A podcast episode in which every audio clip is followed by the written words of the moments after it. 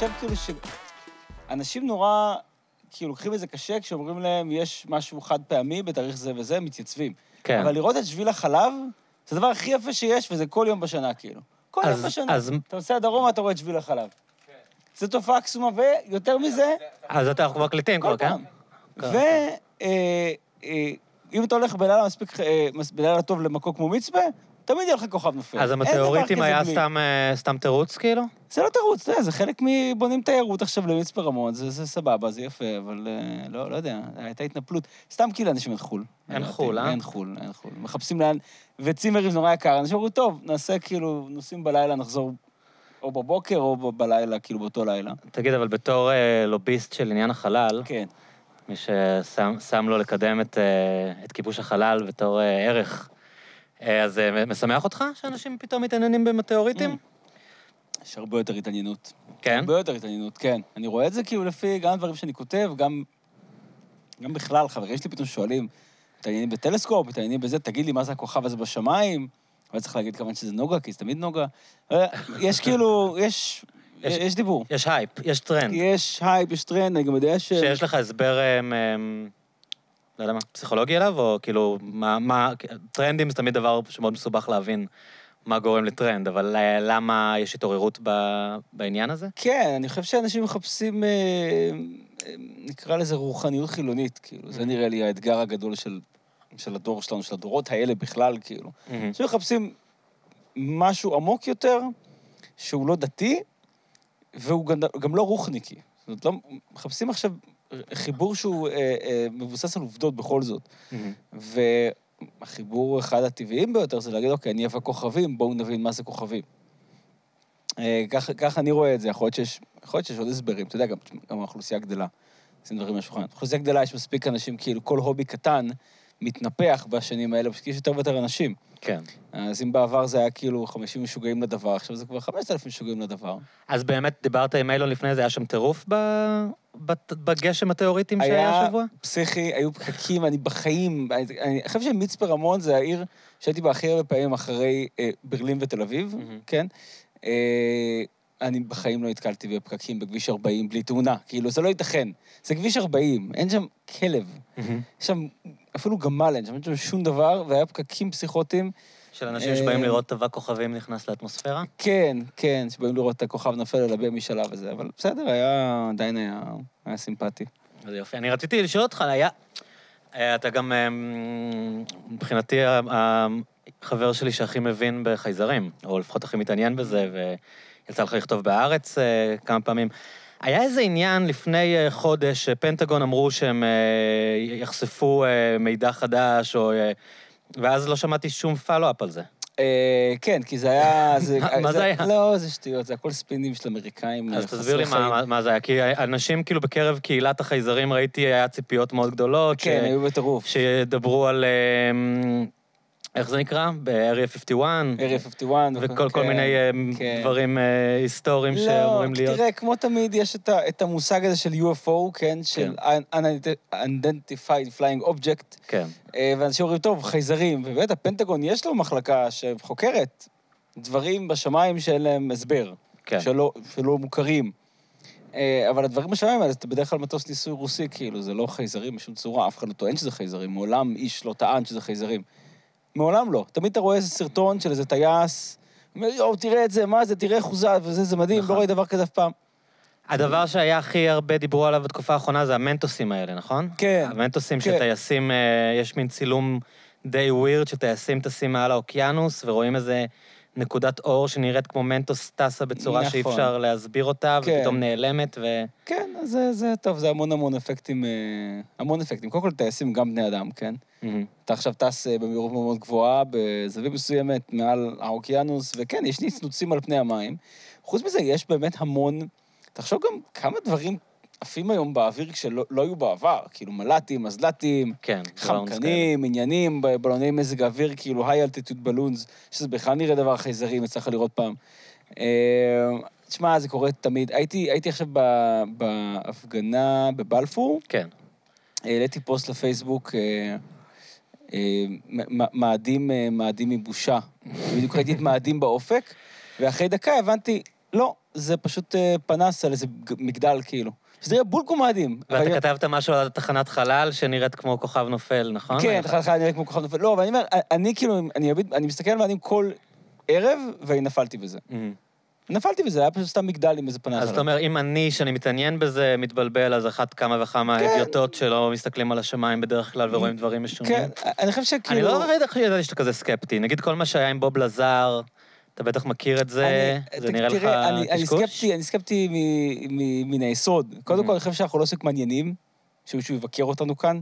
כן. אני לא רואה שום סיבה שמישהו יטרח ויחצה את הגלקסיה, או לפחות כמה מאות או אלפי שנות אור, בשביל לבקר אותך. למה? תן לי את הסיבה, אני לא לא צריך יודע, להבין אנשים, למה. אנשים חוקרים אה, חרקים, נגיד. אתה יודע, בני אדם חוקרים כמעט כל בסדר. תופעה שיש על כדור הארץ. אז כן, אם יש תרבות כל כך מתקדמת שמסוגלת לעשות את המסעות האלה, אז אולי מישהו מהם ישלחו כמה רובוטים, לבדוק נכון, מה קורה כאן. ב- במדגמים סטטיסטיים. כן. למה אותך? אה, בודקים הכל, אתה יודע, אני אה. יודע מה היכולות שלהם. בדיוק כמו שיש היום מישהו באיזושהי אוניברסיטה שבודק את החרק הכי מעפן, הכי כי הוא מעפן. צריך נושא לדוקטורט. נכון, אבל יש... אז אולי מישהו שם צריך נושא לדוקטורט, והוא מצא את כדור הארץ, לא נשאר כוכב אחר. הוא דוגם כמה קולוניות של החרק הזה. כן. אף אחד לא, אתה יודע, יש המון חוקרי נמלים לצורך העניין. אף אחד לא בודק כל קן נמלים הולך להגיד Mm. שלום, מציג את עצמו, זה לא קורה. אתה חושב שיש אה, ביקום, או נגיד בגלקסיה שלנו, אה, תרבויות יותר מתקדמות מאיתנו, שיהיה יותר מעניין לבדוק אותם? אני, אני יוצא מנקודת הנחה שאם יש חיים תבוניים כן. מחוץ לכדור הארץ, הם בהכרח יותר מתקדמים מאיתנו, זה ברור, כי אנשים, אתה חושב על, ה, על החלל, אתה אומר, "אה, החלל מקום גדול, איך יכול להיות שאנחנו לבד, יש כל כך הרבה כוכבים, כל כך הרבה כוכבי לכת. אה, ואנשים שוכחים שגם החלל הוא, הוא, הוא, הוא מקום עתיק. אנחנו חדשים בשכונה. כן. אה, מה, כדור הארץ ארבעה מיליארד שנים, כן, חושבים? ארבע, ארבע וחצי. ונגיד פלנטות אחרות? ואם תסתכל על הגלקסיה שלנו, שזה כאילו לכל דבר ועניין ההביטוס שלנו, אין לך שום דרך לצאת מהגלקסיה, וגם גלקסיה עצומה, אז אתה לא כל כך צריך לצאת החוצה. בגלקסיה יש אה, 100 מיליארד כוכבים, כן? כוכבים, כלומר, כמו השמש. שלנו. כן. אה, וסביב כל כוכב כזה יש לך שלושה, ארבעה בממוצע כוכבי לכת, ואז יש ירחים, וזה זה פוטנציאל אדיר לחיים. אבל הגלקסיה עצמה היא כמעט בגיל היקום, זאת אומרת 13 מיליארד שנה. עכשיו, דמיין מצב שבו יש מערכת, אה, מערכת שמש אחרת, שהיא רק, רק אה, עתיקה מאיתנו בנגיד חצי מיליארד שנה, לא הרבה, או מיליארד שנה. כן. ויצא מנקודת הנחה, נניח שההתפתחות הייתה, הייתה מקבילה. הם לא התפתחו מהר מאיתנו, אנחנו לא... או לאט מאיתנו, התפתחו באותו קצב. זה אומר שיש להם פור עלינו של מיליארד שנה. פור טכנולוגי של מיליארד כן, שנה. אבל תחשוב שההישגים הטכנולוגיים של האנושות, אם אתה לא מאמין בציוויליזציות עתיקות, כן, הם בסך הכל תוצאה של איזה ששת אלפים שנה. נכון. ו- עכשיו דמיין מה... כן, דמיין אבל השאלה, יכולות באותה לנו- מידה זה אולי יכול לקרות, אתה מבין, בתנאים אה, אקלימיים אחרים, לפני מיליארד שנה, או במקום אחר מיליארד שנה אחר כך. אה, אתה צודק. כאילו, זה לא שזה איזה קצב נכון, לינארי, אין- אין- שזה מתקדם אה, לאורך ארבעה מיליארד שנה ב... תראה, יש... אה, אפשר כן להגיד... זה נשמע מוזר, כי יש לך רק דוגמה אחת לחיים תבוניים, יש לך רק דוגמה, רק דוגמה אחת לחיים ויש לך רק דוגמה אחת לחיים תבוניים. כן. מה אתה יכול להסיק אה, על סמך הדבר הזה? כן. לכאורה כלום. בעצם, כשאתה חושב על זה, לא מעט. אה, אם אני אומר לך עכשיו, וואלה, אתה ניגש למכונה, אתה שם שקל, אה, המכונה מכוסה נגיד, כן, המכונה בשיפוץ, אני שם שקל, צריך לך מסטיק ירוק. אני צריך עכשיו, אני אומר לך, בוא תהמר מה הדבר הבא שיצא כשאתה שם שקל. אתה יכול להגיד קוקה קולה, אבל סביר להניח, אם אתה אדם הגיוני, שתגיד, מה, מסטיק, עוד אולי מסטיק בצבע ירוק. אחר. כן, אה, עוד אה. מסטיק, כן. אה, על סמך דוגמה אחת, אתה יכול להסיק לא מעט. זה המקסימום, זה- המידע שיש לך. זה המידע שיש לך. כן. אז אתה אומר, אה, אני בוודאות חדש ב- בשכונה הזאת, אה, אני יוצא מנקודת הנחה שאבולוציה אה, היא אוניברסלית, כמו שפיזיקה אוניברסלית, כן? סביר להניח... כן. סביר להניח שאנחנו נראה... שחייזרים יהיו די דומים לנו, לפחות דומים לבעלי חיים שאנחנו רואים בטבע. כי יש לנו המון המון מינים בכדור הארץ, וכל אחד נראה מוזר. חתול זה, זה, זו בריאה מאוד משונה, אבל אתה מסתכל, אתה מבין יש לה עיניים ויש לה אוזניים. נכון, ואתה אומר, וואלה, אם, אם אה, החייזר הזה יתפתח בכוכב לכת, שמן הסתם יש לו כוח כבידה, הוא צריך איכשהו לשנע את עצמו, אז הוא צריך גפיים או כנפיים, אלה האופציות, נכון? כן. אה, תלוי כמה האטמוספירה צפופה, אם האטמוספירה אה, לא מספיק צפופה, כנפיים לא יהיו. במאדים, למשל, אם היו מתפתחים חיים, היית אומר, אין, אין היגיון בציפור, כן? ציפור זה להשקיע המון משאבים בשביל להתרומם. לא, לא צריך את זה. ו- ואפשר ככה להמשיך אה, למנות, כאילו, כל מיני מאפיינים שאתה אומר, וואלה, כן, יש לו חושים מסוימים, אה, ואיברים לקלוט את החושים האלה, זה בערך משהו כמו אוזניים, אה, אה, עיניים, אף, ריח, כן. כן. אז אני אומר, זה יהיה די דומה, זאת אומרת, זה יהיה מוזר כמו לראות, לראות בעל חיים זה אז מוזר, לראות איך איזה שאנחנו מוזר. רואים חייזרים ב- בסרטי המדע בדיוני, זה די הגיוני מבחינתך, שאם יש אה, צורות לא- חיים לא- תבוניות, הם לא משהו... סטארט-טרק, כלומר, רק האוזן מחודדת, זה לא צריך להגזים, זה דומה. מדי, כן. אבל אתה יודע, אתה ראית פעם, הסתכלת פעם לעז בעיניים? ממש Mhm. הסתכלת לעז בעיניים? אה, ברילה יכול להיות, בטח לבהמה אחרת. לא, לסוס? לא, עז? לעז, כאילו, זה עז, קודם לא כל זה זוכר. מפחיד, יש לה עיניים כזה לא מלבניות כאלה, מהמם. בגלל זה כזה, זה השטן, בגלל זה אנשים Mhm. פוחדים מעיזים. אה, זו חיה מאוד מאוד משונה, היא מאוד חייזרית, קצת מזכירה חתול מהבחינה שאתה אומר, וואי, אתה מכדור הארץ. אה, ואז אחרי דקה אתה אומר, אני מבין כמעט כל דבר שהיא עכשיו עושה. אני אגיד לך כאילו, מה היה לי. חוויה מאוד מיוחדת, אני ראיתי אורנגוטן בג'ונגל. זה מגניב. וזה היה ממש קצת חוויה של לראות איטי. כאילו לראות מין איזה חבר טוב, מכוכב אחר, איזה בן דוד. אורנגוטנג הוא ממש קרוב משפחה. כן. אתה ממש מזהה את זה היה עצמך. ממש ראיתי כן. את עצמי, זה היה אחד הדברים הכי מרגשים שקרו לי, ואני ממש לא איזה ילד טבע כזה, אתה כן. יודע, שהתעניין בחיות, אבל... ואפילו לא כזה, לא היה לי כזה, אתה יודע, לא, לא- זה היה, לא הייתי כל כך, אתה יודע, זה לא שהיה לי איזה חלום. ברור. התגלגלתי לשם. במקרה הוא הגיע. התגלגלתי. לשם, ולא, היינו במקום בג'ונגל ואמרו בוא נלך לראות אורנגוטנים, ואתה יודע, מה יש לעשות יותר טוב? אז הלכתי כמובן. באינדונזיה, ו... וזה היה מדהים. זה באמת היה כן. חוויה מרגשת ברמות לא, מאוד עמוקות. קופים זה דבר, זה, זה, זה מטורף, כי אתה, אתה רואה את ההתנהגות החברתית שלהם גם. אתה יכול לראות אותם עושים כאילו קונצים אחד לשני ורבים כן. אתה ומתחילים. מרגיש גם שהתקשורת שלו איתך, אתה יודע, ברמה של נגיד אם אתה מביא לו אוכל, אתה מרגיש שזה מאוד שונה מלהאכיל כלב, מכלב, כן, ברור. בכלל. לא... כן. לא אותה קטגוריה. אז אתה יודע, אז אני אומר, אה, אה, תראה, לכאורה כל המינים בכדור הארץ יש להם אב משותף אחד, כן? אז אפשר לבוא ולהגיד, טוב, ברור שכולם פה די דומים, כולם יש להם אב משותף אחד. אה, זאת אומרת, כאילו בפלנטה שהכל היה יוצא מאב משותף אחר, כן? אבל רגע, אבל אז אתה אומר, אני מסתכל על ה- על העטלף, יש לו כנף, אני מסתכל על היונה, יש לה כנף, כן? כן, שאחד בכלל יונק והשני עוף, כן, כאילו. אז אפשר כאילו להניח, אה, יש להם אב משותף, אבל לא, זה נקרא אבולוציה מתכנסת. זאת אומרת, מהמם. בגלל שהבעיה היא אותה בעיה, הפתרון יהיה די דומה, מהמם. כנף. מהמם.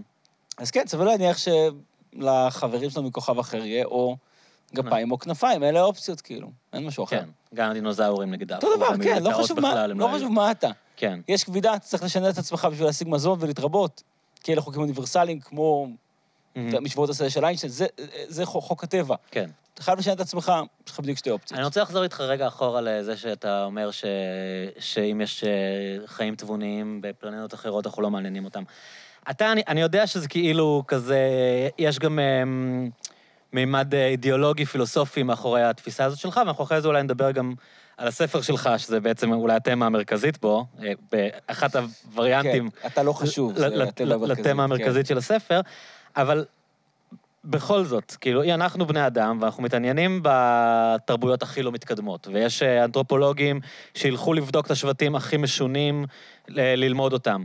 אתה לא חושב שבני אדם מעניינים? כאילו, אני מבין למה אתה רוצה לעקור מאנשים את המחשבה שהם נורא חשובים ומעניינים, אבל אתה באמת חושב שאין אין שום עניין באנושות, כאילו, ל- למישהו חיצוני? אני, אני קשה להאמין שאנחנו אפילו עבודת, אה, איך קוראים לזה? איזוטופ? איזו, לא איזוטופ, אה, ביוטופ. בי- ביוטופ בכיתה ט' כן, בשיעור ברמה ביולוגיה? הזאת, כאילו, באמת, את מי זה מעניין? אה, אני לא חושב שמישהו יטרח לחקור אותנו. שוב, אתה רוצה... יש פה המון הנחות יסוד שאנחנו עושים, כאילו, אנחנו... אתה אומר, אם יש עוד חיים תבוניים, מן הסתם יש המון חיים תבוניים, ואז בכלל אתה לא מעניין. אין שום סיבה להניח שזה רק אנחנו והם, משום מה, רק אנחנו ועוד ציוויליזציה אחת. זה לא הגיוני לי. אה, חוץ מזה, וכאן אני אומר לך לא אה, דעה אידיאולוגית שלי, אה, אני, אתה יודע, אני עוקב, זאת, זה העבודה שלי, זה הדיי ג'וב שלי, זה לעקוב אחרי הדברים האלה. כי אתה מסקר לארץ את הנושאים האלה? לארץ ולזכות החלל הישראלית. אה, לא ידעתי כן, את זה. כן, כן, אני ספר לי על הגיג הזה. אני כתב החלל, לזכות החלל הישראלית. ספר לי על הגיג הזה, כל לא ידעתי. ידיעה שעוברת אה, בניו סייקל של החלל, שזה אומר גם חקר חלל, אתה יודע, משימות אה, נאס"א, סוכנות חלל אירופית, מה Mm. שזה לא יהיה, וגם אה, אסטרונומיה, אסטרופיזיקה, אני... אתה מוציא ל- את ה press release בעצם? אני לא מוציא את ה press release, את זה אני עושה גם באוניברסיטת תל אביב, Mm. אבל אה, לא, בזכות החלל הישראלית אני אני ממש מסקר את זה. אני- מייצר תכנים מייצר שאחרי זה תכנים, כן. עולים באתר שלהם, עולים? באתר שלהם, וגם לפעמים בשת"פים עם עוד אתרים, אתה יודע, N12, Mm. מאקו, מה שזה לא יהיה. איזה cool. כן. אז אה, בעצם אני קם בבוקר ואני אתה יודע, אני אתה פותח... בעניינים. אני פותח Universe Today לפני שאני פותח Mhm. הארץ, נגיד. גדול.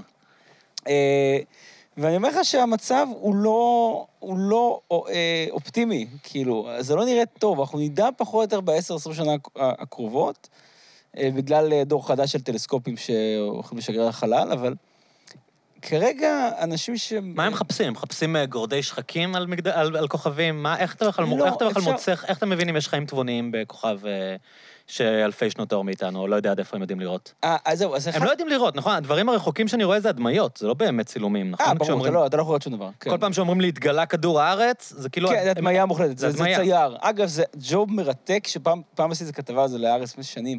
יש... פעם אה, ב... נגיד, יש מין משהו כזה שמוצאים איזה משהו, כן, כוכב הדמיית- שלנו. הדמיית אמן זה נקרא, artist illustration, ומסתבר שיש כאילו אנשים שזה הג'וב שלהם. זאת אומרת, אומרים להם את הנתונים, הם הם קצת מבינים, או לפחות חובבים. כמו שבמשטרה, אלה שעושים את ה... כן, את ה sketch artist ה sketch כזה, כן. artist. אז דיברתי עם כמה אנשים, זה היה מרתק כזה, אנשים שהם בביזנס 30 שנה, מהמם. שעובדים עבור נאסא או סוכנות החייל האירופית, ואומרים להם, אה, אוקיי, מצאנו ירח ככה וככה, וצייר אותו, הוא בערך אה, ככה וככה מתאן, ככה וככה אז מה התמונות חמצן. שאנחנו רואים הן נכונות? של מאדים רק בערך? לא, אתה יכול לראות... הכוכבים במ- במערכת שלנו, אנחנו... במערכת השמש שלנו יש תמונות. כאילו. כן, כן. אתה גם יכול לראות תמונות. שבתאי זה שבתאי, כשאני רואה אותו. שבתאי זה שבתאי שאתה רואה אוקיי. אותו, כן. למרות שגם שם יש כמה... יש- יש. אדאפס, וואי, וואי, יש עושים טאצ'אפים כמו יש באינסטגרם, המון פילטרים. פוטושופ. אנשים גם לא מודעים לזה, כי כל דבר שמצלמים בחלל... שהפוטושופ, המטרה שלו היא, כאילו לא לשפר, לא לעשות את זה יותר יפה, אלא להוסיף דברים שהמצלמה לא תופסת, ואנחנו יודעים שהם שם. צבע. כאילו. לא, לא, פשוט צבע. אה, הם מצלמים בשחור לבן, לא מעניין אותם צבע. למה זה לא מעניין אותם? כאילו מעניין אותם, אתה לא הם- הם חוקרים. לא, הם רוצים... הם רוצים... אבל אם אתה רואה, לא יודע, כחול מים, לא יודע, זה לא... אז זהו, הם רוצים ניגודיות, מהמם. כן? אז נגיד עכשיו תמונה, פילטר מסוים, הם מחפשים נגיד רק את המימן באיזה ערפילית. מהמם. אז המימן הזה יהיה בשחור וכל השאר בלבן, נגיד. ואז אוקיי. לוקחים כל מיני פילטרים כאלה, מעבירים לאיזה דוד בפוטושופ. עכשיו, זה, זה אמיתי, אבל הוא, הוא בסופו של דבר צריך להכריע... זה האמנות שלו, הוא רוצה שזה יהיה הכי יפה שהוא כן, יכול. אם החמצן אה, כחול או סגול, זה הוא מחליט. גדול. בערפילית, זה הוא מחליט, יופי. זה לא נראה ככה באמת. וואו. אה, שזה גם, זה גם גיג מגניב. איך הגענו לנושא הזה? אני לא זוכר את המילים. אה, אה, לא, שאלתי אותך איך הם מחפשים את החיים התבוניים בטלסקופ. מה הם מצפים לראות כדי... איך... אתה העלית את השאלה אם נדע אם יש חיים תבוניים או לא. או כן. אם אין לנו סיכוי לדעת בכלל. לא, לא, יש סיכוי טוב לדעת. תראה, יש, יש את הפרויקט הקבוע של סטי, של לחפש ברדיו, וזה זה, זה מה, אנחנו מחפשים שהם ישדרו לנו משהו, או לתפוס את התחנות רדיו שלהם, נגיד? את התחנות רדיו שלהם קשה לתפוס, Mhm. כי, כי זה האוטו הולך ונחלש אה, עם, עם, עם, עם המרחק בריבוע. אז בעצם זה ג'יבריש שזה יגיע לך, צריך מקלט מאוד מאוד גדול. אבל אתה אומר, אנחנו שידרנו כמה הודעות כאלה, היי, אנחנו אה. כאן, שלום. נכון. אולי מישהו אחר עושה את זה גם כן. מהמם. אה, עד היום לא שמענו שום דבר. אז יש בן אדם משועמם שיושב על האנטנה, וואי, איך ככה זה מתחיל משועמם. סטארגייט, לא? יש אה, איזה קטע אה, כזה, ככה נכון? מתחיל קונטקט. קונטקט. קונטקט נכון, מתחיל ככה, קונטקט. נכון. עם, איך קוראים ה... ג'ודי פוסטר. ג'ודי פוסטר. ג'ודי פוסטר, ככה היא כזה. ומתיו פתאום. מקוני. באחד מתפקידיו מקונאי הראשונים, אני. חושב, אני מקווה שלא... טוב, אני צריך. לראות את זה רגע. אה, נראה לי שזה מתיו מקוני בראשית דרכו. ממש ראשית דרכו, אם כן. אני לא זוכר את זה. אוקיי. אה, אז יש את הרדיו, שזה... זו טכניקה מאוד נחמדה, אבל האמת שיש יש שם דרך אה, אה, אה, הרבה יותר... הרבה יותר מתוחכמת והרבה יותר ישירה גם לבדוק, לבדוק אה, מה- מה מיושב ומה לא. האמת היא שאי אפשר להתחבא בחלל, זה אחד היתרונות, גם אחד החסרונות. איש, אנשים אומרים, אה, יכול להיות שלא כדאי להושיט יד לחייזרים, שלא יודעו שאנחנו כאן. אז מה, יש להם נגיד איזה. משבשי מכ"מים כאלה, אין, לוחמה אין, אלקטרונית שלא תוכל... שטויות. אתה, אין לך שום דרך. אם, אם יש אה, מין אה, תבוני ב- ברמת האנושות היום, או ברמת האנושות עוד עשר שנים, הם יודעים שאנחנו כאן בערך שלושה מיליארד שנה, שלושה וחצי מיליארד Mhm. שנה. כי אתה מסתכל על האטמוספירה ואין לך איזון כימי. מהמם.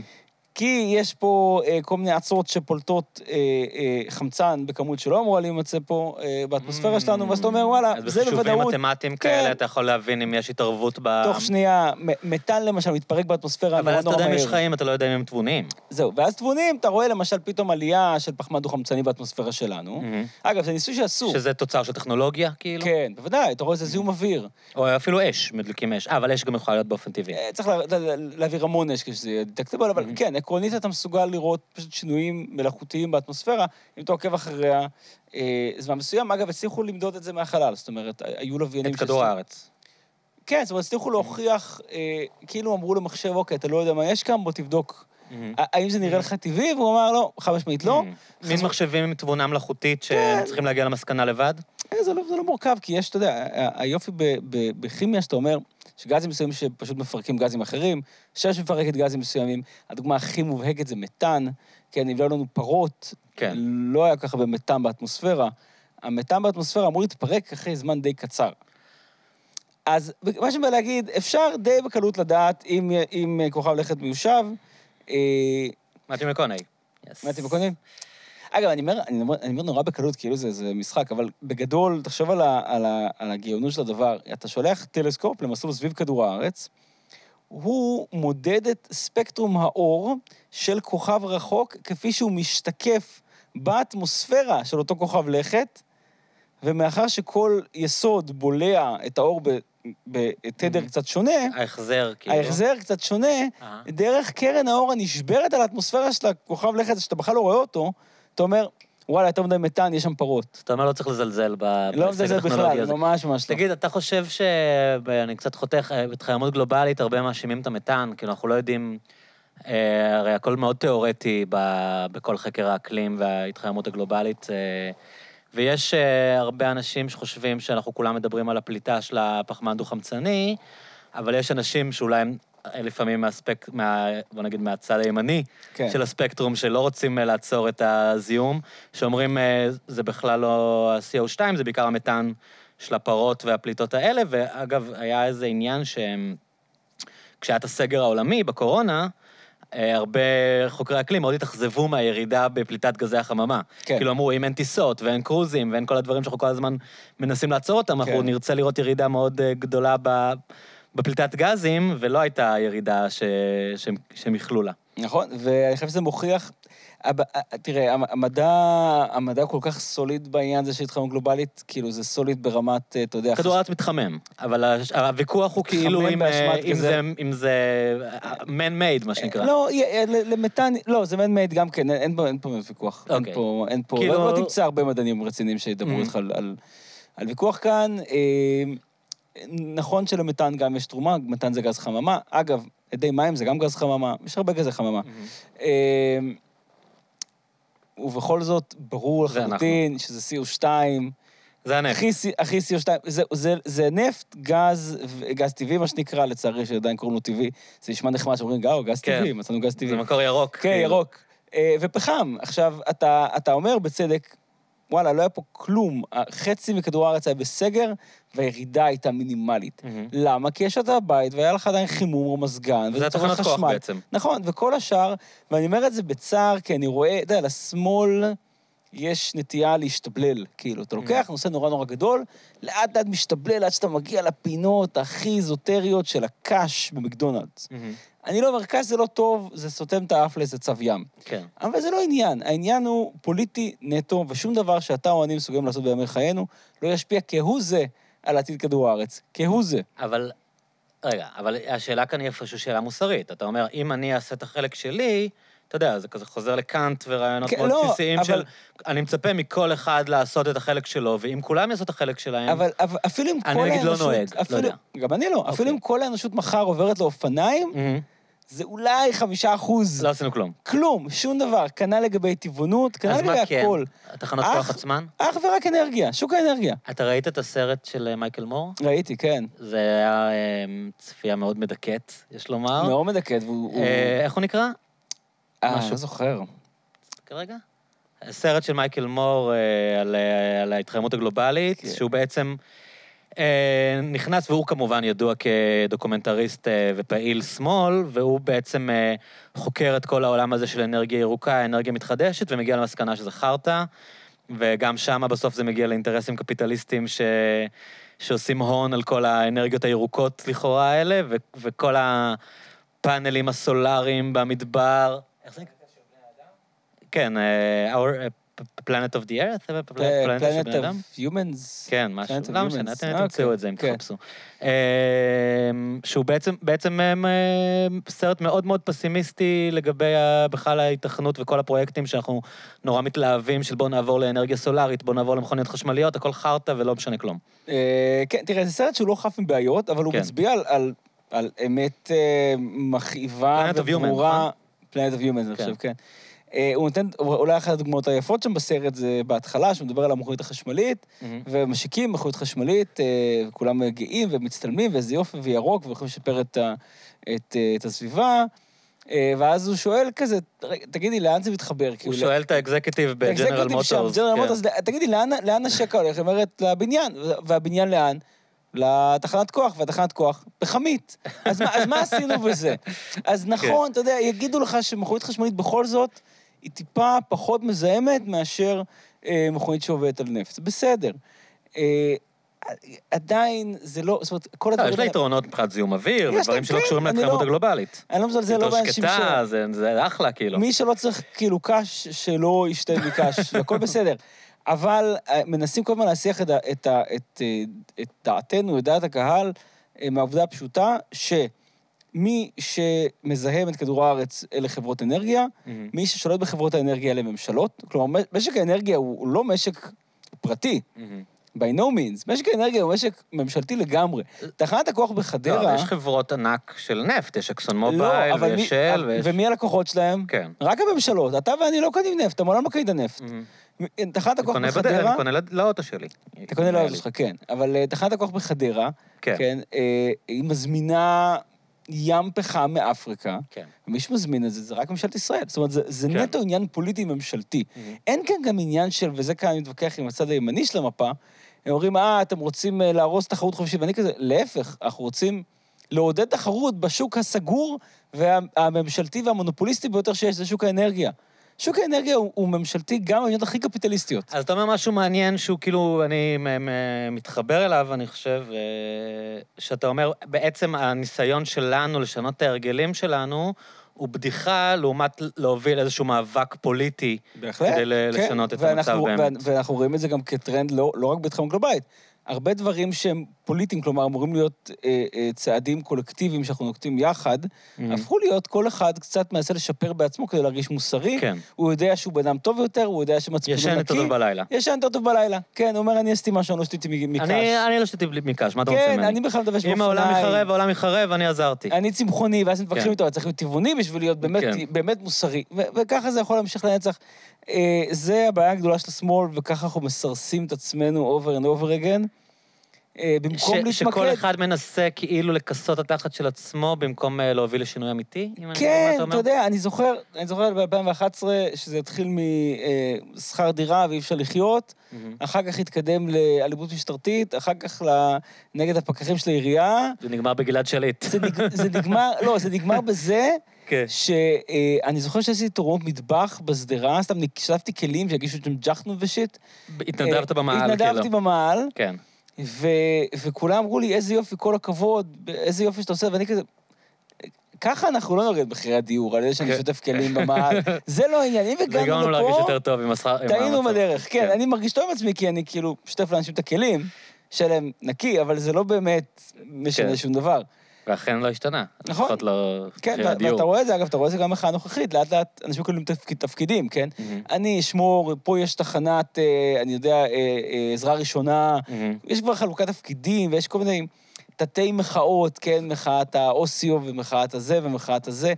כזה, לאט לאט אתה מאבד, you lose track על, על, של המטרה.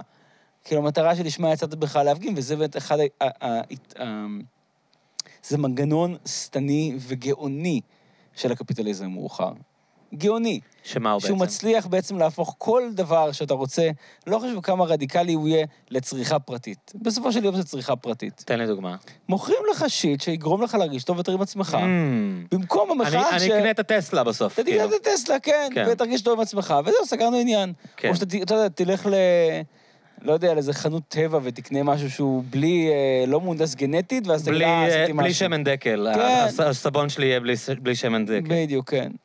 ואז כאילו אתה מסמן וי על זה. כן. ובסוף זה אותם אנשים.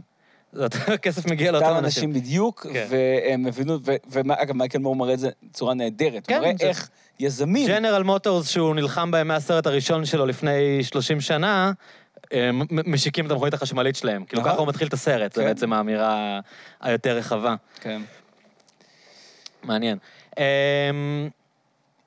אתה רוצה להקריא לי אה, חתיכה מהספר שלך, שקראתי שוב עכשיו ומאוד מאוד נהניתי ממנו שוב. ספר נורא נורא מצחיק, אה, thought provoking, אה. שנקרא הכלום מנצח כשאנשים חכמים עושים מדיטציה, אמרתי נכון? כן. כן? השם המלא זה היה, כל הכבוד. השם- השם מלא? כן. יאללה, אני אקרא, אני אקרא קטע שנקרא אה, מה אתם יכולים ללמוד מסיפורו המדהים של אקיו מוריטה. אוקיי. אקיו מוריטה, ממייסדי תאגיד סוני, הפך את יצרנית הרדיו טרנזיסטורים הראשונה לאחד המותגים המוכרים והמוערכים ביותר בעולם. בספרו תוצרת יפן, מוריטה מספר כי אחת ההחלטות הגורליות והקשות ביותר שקיבל כמנהל הייתה לדחות הצעה מתאגיד וולובה לרכישת 100 אלף יחידות מהרדיו טרנזיסטורים המהפכניים שפיתח, בתקופה שבה החברה לא מכרה אפילו עשרת אלפים יחידות בחודש. הכסף שהוצע לו היה גדול פי עשרה מערך סוני כולה באותו הזמן, ובכל זאת מוריטה דחה את העסקה. מדוע? אך ורק מפני שמנהלי וולובה ביקשו לרשום את שם החברה שלהם על מכשירי הרדיו. מוריטה הבין כי בעוד שבטווח הקצר העסקה תעזור לחברה, בטווח הארוך היא תבנה את שמה של וולובה על חשבון שמה של סוני. מנהלי וולובה שמבחינתם הציעו לו עסקה חלומית, לא האמינו למשמע אוזניהם. מוריטה אמר להם, בעוד 50 שנה שמה של החברה שלי יהיה גדול כמו שלכם, ואני יודע שהרדיו שיצרתי יעזור לנו לפתח את השם הזה. כל שותפיו של מוריטה חשבו שהוא השתגע, אבל היום סוני היא אחת החברות המובילות בעולם במוצרי אלקטרוניקה, בתעשיית הקולנוע ובקונסולות למשחקי וידאו, עם רווח שנתי של יותר מ-70 מיליארד דולרים. אז מה אתם יכולים ללמוד מסיפורו המדהים של אקיו מוריטה? שום דבר. אתם פיתחתם רדיו טרנזיסטורים מהפכניים? לא. מישהו הציע לקנות מכם את הרדיו טרנזיסטורים המהפכניים שלכם? גם לא. אז מה אתם רוצים? אתם לא אקיו מוריטה. אתם לא ממייסדי סוני. אתם סתם נדחפים לכל חיים שאתם שומעים עליהם. בכלל לא מעניין אתכם הסיפור של אקיו מוריטה, אתם מתעניינים רק בעצמכם. מעולה. אז זה, נגיד למי שלא הבין את זה מה, מהקטע שעודד הקריא, שבעצם הספר הוא פרודיה על אה, ספרי self-help, כן. נכון? כן, ככה נקרא self-help? כן, אה, עזרה עצמית. עזרה עצמית. אה, וזה מעניין, אתה בעצם, החצי הראשון, תגיד לי אם אולי לא הבנתי נכון, או אמ, אולי מה שאני אומר עכשיו הוא לא נכון, נראה לי שהוא נכון. החצי הראשון בעצם צוחק על, אה, על כל הקטגוריה של הספרים של איך להצליח בחיים, איך למצות את הפוטנציאל, טוני רובינס shit כזה. קראתי המון טוני רובינס, כן. טוני אמ, רובינס, כן. ש- ש- שאגב, ברמה האישית אני יותר מתחבר אידיאולוגית ורעיונית לחצי השני, והחצי החצי הראשון, כן. והחצי השני הוא בעצם מסתלבט על ה-new age. נכון, הוא יותר מסתלבט נכון, על כל מיני נכון. תורות אה, רוחניות כן. למיניהם, כשאתה בעצם, אה, מצטער, אני לא, לא, לא רוצה לרדד, אבל אתה בעצם אומר ש, שזה אותו דבר, כאילו שזה שני צדדים של אותו מטבע, אה, בן אדם אחד שחושב שהוא מאוד רוחני, ובן אדם אחר ש... שחושב שמאמין בסוד ושהוא יכול להצליח בחיים ושום דבר לא יעצור בעדו. כן, לגמרי, אני יודע, אני קראתי איזה 100 ספרים כתחקיר ל... מאוד מדויק. אגב, בתור מי שקצת מכיר את העולמות האלה, הפרודיה כפרודיה היא סופר מדויקת, סופר כאילו בפרטים, הכל... אה, אני- אתה יודע, אני, שמע, אני, אחרי כן. שקראתי את, את כל הספרים האלה, אני, גם ניו אייג' וגם סלף-הלפ, אני, אני פתאום קולט שאין שום הבדל בין השניים, כלומר, אה, מה שמבקשים לך בסלף-הלפ, עזוב רגע סתירות פנימיות וכאלה, זאת אומרת, אפשר גם לעשות ספר כזה, זה לא מעניין, אותי לא, פחות מעניין. להגיד, וואלה, הוא לא עקבי, או מה שזה לא יהיה. כן. בסדר, נו, או זה לא מוכח מדעית. זה כן. לא הרעיון. ניסיתי להבין מה עומד מאחורי זה, למה זה כל כך מצליח, וזה מצליח בטירוף. זאת אומרת, כן. ספרים מאוד נמכרים. אה, בכלל תופעה של קואוצ'רים לצורך העניין. קואוצ'רים, ש- גורואים, כן. כל ה... כן. אה, ו- ואז אתה, אתה בעצם מנסה ל, ל, ככה לזקק ולתמצת את העצות שלהם, ואתה אומר, העצות שלהם מסתכמות ב- בעצה האחת, אל תהיה בן אדם. מהמם. אל תהיה בן אדם. זאת אומרת, כל דבר שהוא טבעי כן, ואנושי ויפה, יפה באנושות, הם אומרים, אל תעשה את זה, אל תהיה זה, אל תהיה עצמך, ואל תהיה מי שאתה יכול ומסוגל להיות. אה, אני אתן לך את הדוגמה הכי קלאסית, כן? שזה חוזר, אגב, גם בסלפל וגם בניו אייג', אומרים לך, אה, תחיה בהווה. כן. כן? אל תחשוב יותר מדי על העתיד, ואל תשקע בעבר.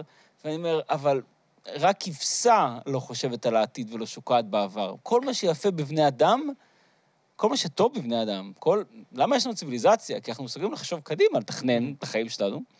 ואיזה אדם יבוא ויגיד לנו, וואלה, התרפקות על זיכרונות, חרטה, למה לזרוק את הדברים האלה? למה להשליך אותם? למה? כדי להיות פרודוקטיבי יותר?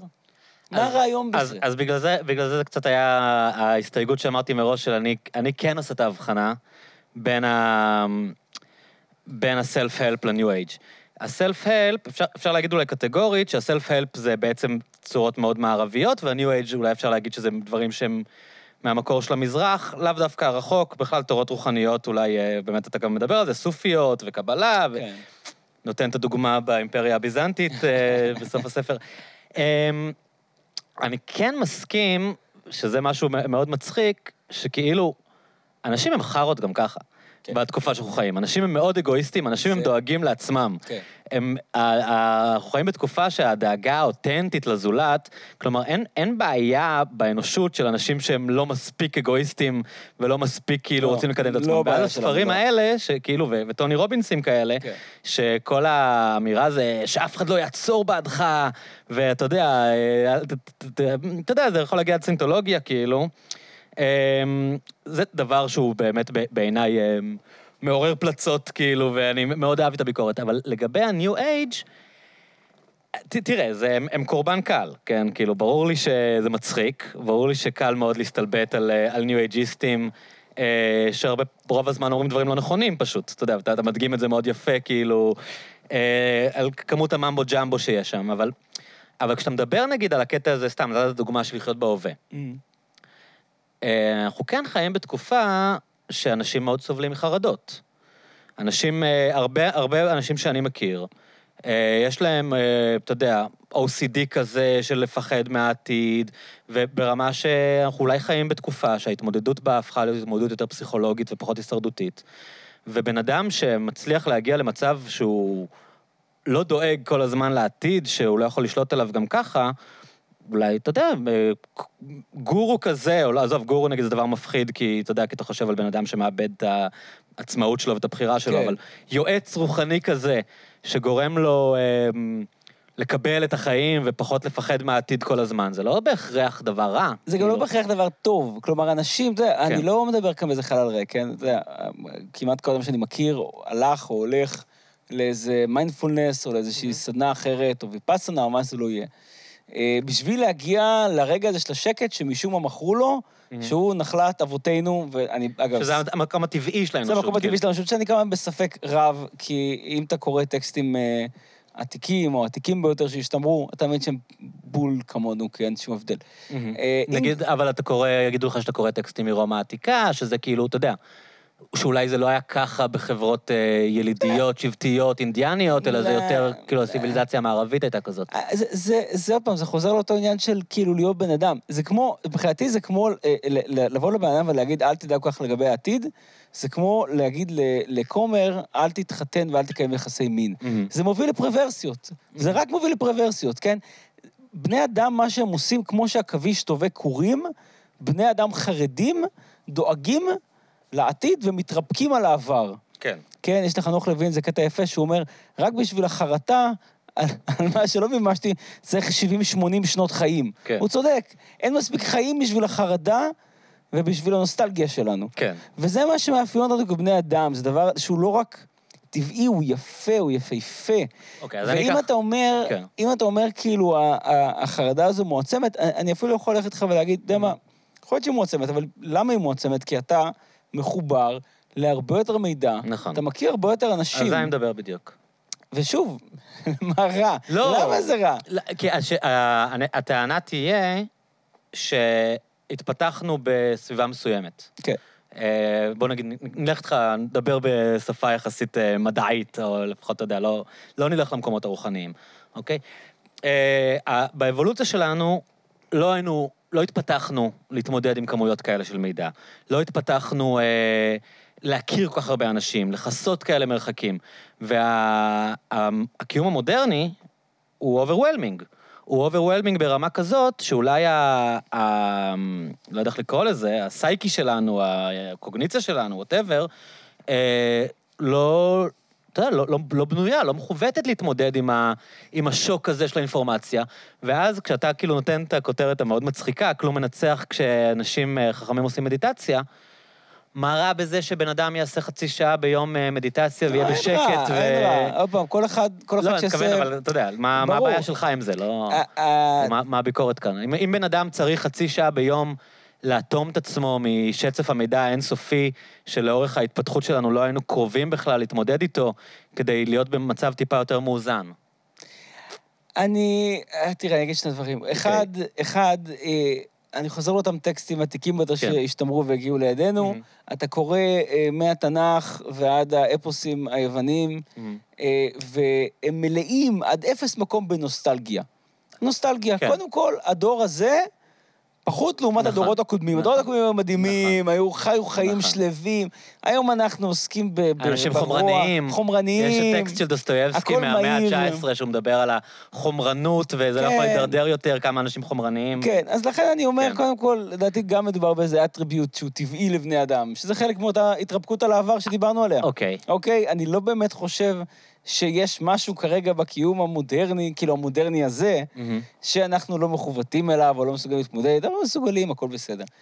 אה, זה אבל אתה לא חושב. שאנשים היום יותר מדוכאים מפעם? כאילו... אני חושב שהם יותר מדוכאים כי, כי מעודדים אותם להיות בדיכאון, כי רוצים למכור להם את? השיט הזה, בוודאי. כמו, שדיב, כמו שדיברנו על טסלה, כן. אותו דבר, גורים, קואוצ'רים, נכנסים לזירה הזו, אומרים לך שאתה בדיכאון, אומרים לך שאתה בחרדה, מעצים, מעצימים את החרדה שלך, כי אומרים לך שהחרדה שלך לא טבעית, שזה הדבר הכי נורא שאפשר להגיד לבן אדם. כן, אבל אני, אני עוד פעם, שנייה, אני כאילו, אני, אני חייב להגיד שאני גם כן מתחבר עם מה שאתה אומר, אבל אני, אני כן חושב גם שיש... אמ, שיש יש חוסר איזון מסוים. תשמע, אני רואה עכשיו ב... חיים ב, בתקופה פסיכית, כאילו, ב, לפחות, אתה יודע, בהיסטוריה, ה- ב-recent history. כן. אמ, אני רואה אנשים במשברים נפשיים אמיתיים, והמשברים האלה, אתה יודע, כאילו, אנשים הם... הם אני, אני רואה הרבה אנשים מתפרקים לי מול העיניים, זה דבר אמיתי, החרדות שלהם אמיתיות, ואני כן חושב שאם אה, לעשות מדיטציה, או אה, להאמין בדברים, או יכול אה, לעזור להם אה, להתמודד עם החרדות שלהם. כלומר, זה לא, אה, החרדות שלהם הם לא רק תוצר של פרסומות בטלוויזיה. לא רק, Mm-hmm. אבל אתה אומר, יש כאן תעשייה שלמה שמבוססת על כך שהפחדים והחרדות מהמם. לא טבעיים, שאתה לא אמור להרגיש ככה. יש, זה מן יש הסתם עליו- מעצים את ההרגשה הרעה שלך, כן, שהיא טבעית לחלוטין. אה, ובגדול, ועזוב, רגע, בוא, בוא אוקיי, נלך סליחה, כאילו כן. רמה אחת למעלה. כן. האם באמת אתה צריך להיות מאושר? האם זה העניין? האם זו המטרה? לא, לא. אני, אומרת- חושב, אני ממש חושב שלא. כן, כי אתה אומר, אוקיי, נניח עכשיו אני עושה ויפאסנה, אה, ואני שותק ואני מגיע לאיזושהי נירוונה. כן, ארבע האם דקות בשביל של... זה אני כאן? כאילו, זה, נכון. זו המטרה האולטימטיבית שלי, לא להרגיש לא עונג ולא כאב לכמה דקות.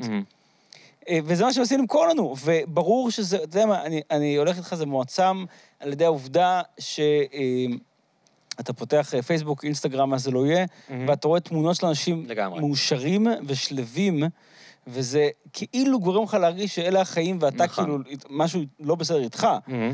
אה, אבל זה גם כן חלק מאותו משחק קפיטליסטי שנועד... לגמרי. אני בדיוק חשבתי, הקבוצת התייחסות שלנו, פעם, נגיד תיקח אפילו בתוך העולם של הרשתות החברתיות. אוקיי, פעם היה, היה את הפייסבוק. פעם. כשהתחלנו, היה, היה כן. היי, פייסבוק. אז היה פייסבוק. היו ימים שהיה פייסבוק. מי שלא יודע מה זה והיה פייסבוק. לך- היה זה- לך 300 אה, חברים בפייסבוק, כן. שהיה איזה אחד יותר מצחיק, אחד פחות מצחיק, ואתה היית נגיד אולי קצת יותר בקיא באקטואליה מאחרים, ויכולת לכתוב כאילו נגיד איזה משהו פוליטי, ואנשים אומרים, וואו, איזה מעניין זה. היום, גם העולם הזה עבר למין טוויטר כזה. נכון. שבטוויטר, כאילו. אתה, אתה בעצם מתחיל להיות בזירה שכל העולם שם. כן. אתה כבר לא בקהילה שלך, אתה לא בקיבוץ שיש לך איזה עצמאות, אתה נמחק על ידי האנשים הכי שנונים, הכי חריפים, כנ"ל לגבי אינסטגרם. אתה יודע, יכולת להיות, יכולת להיות איזה בחורה חמודה, שמקבלת אה, הרבה לייקים, כן. ווואי, איזה מתוקה היא, כן. או זה... והיום היא צריכה להתמודד עם כל מיני אה, אינפלואנסריות באינסטגרם, כאילו הקפיטליזם הזה, שמגיע לכל מקום, זה נורא הגיוני שבן אדם שהיה גר באיזה כפר, והמעגלים החברתיים שלו היו אה, 150 איש, היה מוצא את עצמו, היה, אתה יודע, הוא לא היה נמחק מ- כן. מלהתמודד עם כל העולם. תראה, עש- עשו מחקרים והמעגל החברתי שלך הוא אותו מעגל חברתי. כלומר, אתה לא באמת עוקב אחרי האנשים האלה, הם רק צצים לך מדי פעם בפייסבוק. המעגל החברתי האמיתי, אבל יש לי אה, גם מעגל חברתי. מזויף, ש- שמולו כן. אני שופט עצמי. ואז, מול- ואז, ואז אתה מפרק, אתה עכשיו עובר על הפיד, ואתה מפרק מה שאתה רואה, ויש בעצם, אה, אין, אין המון קטגוריות. יש קטגוריה של אני מאושר עד הסוף, תראו איזה מדהים, נולד לי בן. או זכיתי בפרס, או אהבת אני... חיי, אהבת יום חיי, הנישואים שלי, כן, אתה המקום, כן. או זוועת עולם, כן. אה, כן, אנסו אותי, רצחו אותי, אה, אני רוצה למות, תעזרו לי. כן. ואין לך בעצם את כל מנעד הביניים, שהוא ליאור בן נכון. אדם, ורובנו כי, נמצאים. כי הוא לא יכול לבלוט שם ולקבל לייקים. אתה לא נכון, יכול לקבל לייקים על נכון, להגיד, אה, היום כן. היה אחלה יום, היה לי מעניין בעבודה. אני קצת ושתיתי מדוכדך, קפה עם לא אשתי יותר והייתה מדי. לנו שיחה מעניינת. כן, אני קצת מדוכדך, לא יותר מדי, לא צריך להתקשר למשטרה. מדוכדך, קצת, בסדר, אני... כן. אני אשתה כאילו זה לא כוס ויראלי. יין, ואני- זה לא ויראלי, זה לא מעניין. כן. אה, אז אז נכון שזה קצת אה, יכול לשבש לך את הקואורדינטות, אבל אני אומר, גם גם גורים וקואוצ'רים עושים בדיוק את הדבר הזה. זה בדיוק Mhm. הפיד הזה של פייסבוק. שמה, הם אומרים, אתה יכול אין להיות הבן אדם. הזה עם המיליון לייקים? אין ביניים, יש אושר והצלחה, ואנשים שגילו את הסוד. או שתהיה מייסד סוני, כן, או שאתה nobody, שאתה כן. לא בן אדם אפילו, אתה חי כן. בצורה לא טבעית. אין לך מה להציע אין לעולם. לך מה להציע לעולם, אתה לא... אתה יודע, זה כל כך מעצבן אותי, הדברים האלה גם, אה, אני חושב, אני עכשיו על עצמי, כאילו, החלום הגדול שלי, מה שהייתי ילד זה להיות אסטרונאוט. אני רוצה להיות אסטרונאוט. כמה קשה, אני מגיע לי להגיע לחלל. הרי אני כותב על החלל רק כי אני לא מסוגל להגיע לשם פיזית. כן. ובעולם יש כאילו- 20 אסטרונאוטים על 9 מיליארד איש, כן, כאילו. כן, ואז, ואז בא איזה דוד קרח, כאילו, באיזה, אתה יודע, עם איזה אה, מדונה, באיזה TEDx, ואומר, אם רק תאמין בעצמך, מספיק. ואני כזה, לא, האמת, לא באמת, אתה צריך להיות טייס קרב עם תואר שני בפיזיקה, ואני לא, מה לעשות, לא. לא, לא מסוגל. לא התקבלתי לטייס. כן, ואני אומר, למה כאילו, זה כל כך הרבה יותר נחמד לבוא לבן אדם ולהגיד, שמע, לא אפשרי, מאשר לבוא ולהגיד לו, הכל אפשרי, זה באשמתך. Mm. זה באשמתך, אתה לא מספיק מאמין יפה. בעצמך, אתה לא מספיק רוצה את זה. זה מייצר המון המון חרדה עודפת, מיותרת. פשוט לבוא ולהגיד לאנשים, תשמעו, יש גם תנאים בעולם, ווואלה, לא כל אחד הוא שחקן קולנוע מטיריאל, ולא כל אחד הוא אסטרונאוט כן. מטיריאל. לא כל אחד. שזה באמת מעניין, אנחנו חיים כאילו במין תקופה אה, באופן מוזר, בלי שיש עולם מרקסיסטי. אנחנו כן, אה, אה, בתוך הקפיטליזם המאוחר הזה, הגענו קצת לשלב הזה שמרקס אה, חזה אותו של הביטוי העצמי. כן. כאילו, אנחנו חיים במין תקופה כזאת של אה, כל המהות היא לבטא את עצמך. אנשים אה, עושים איזה משהו כדי לסגור את המשכורת, אבל... אה, אה, אה, הוולידציה שלהם היא בטוויטר, היא באינסטגרם, זה, זה הפודקאסט שהם עושים, לא משנה. אמ, זה כאילו, הביטוי העצמי הוא המשמעות, לא משנה ממה אתה מביא את הכסף, כאילו. אה, ושם בעצם, אתה אומר, כאילו שאין מקום לאמצע? זה, זה כאילו, אם אני מבין מה אתה אומר, או ש... זה, אתה זה- יודע, אתה יכול להגיע למקום ש... שאתה שמח... הנה, אני ניקח את העשייה שלך. או אוקיי, העשייה שלך, אתה אמ, מוציא לאור וכותב, בלי אספירציות אה, ממה שאני מתרשם, אנחנו מכירים הרבה שנים, ואני שמח לארח את. הרבה מהדברים שאתה עושה. אה, נראה שאתה איזשהו מצאת איזה דרך אמצע של להיות מרוצה מהעשייה המקומית הזאת. אה, לא, תראה, אני, אני מגלומן, זה, אני, אני שואף, אני בונה על פרס כן. נובל, בונה על פרס נובל, זה ברור, אני כל החיים. כן. אבל אני, אני פשוט חושב שכאילו, המרדף שלי הוא אחר מה שחדש וטוב, כן? זה, זה, שם אתה יכול למצוא, לא אושר, אושר אף אחד לא ימצא כאן, זה, זה סיפוק. שטויות. סיפוק, אתה מוצא סיפוק. זאת אומרת, אם אני יודע בוודאות מלאה, מלאה, אה, שאני עכשיו מוציא משורר, והוא משורר טוב, מוציא לאור את הספר אתה שלו. יודע שהוא טוב. אני יודע שהוא טוב, אני יודע שבלעדיי זה לא היה קורה. עשיתי משהו בעולם. עכשיו, אה, אתה יודע, אנחנו, אנחנו אבק כוכבים, גם במובן הזה שאנחנו חוזרים להיות אבק. יש לך זמן מועט על פני אה, כדור הארץ, זמן מועט לפני שאתה חוזר להיות עוד אחד מהאטומים האלה, הרנדומליים. כן. אה, אני אהיה מסופק אם בהיותי אה, חלוק נחל קטן, אני יכול להסיט את המים קצת לכיוון שאני חושב שהוא נכון. שהוא נכון. לא שאני מרגיש טוב יותר לגביו, שאני חושב שהוא נכון, אני חושב שהאנושות, סליחה, האנושות זה האוקיינוס הגדול, כן? שהנחל הקטן שנקרא תרבות עברית, צריך לזרום לכיוונו, ורק אז הוא אמור אה, אה, להישפך לא- לאוקיינוס הגדול של האנושות. אני אומר, אני רוצה, אני אהיה מרוצה לדעת שעם כתב עת ועם הוצאה לאור ועם פסטיבל שירה, אני הסטתי קצת את המים לכיוון שאני חושב שהוא מעניין יותר עבור הפרויקט האנושי.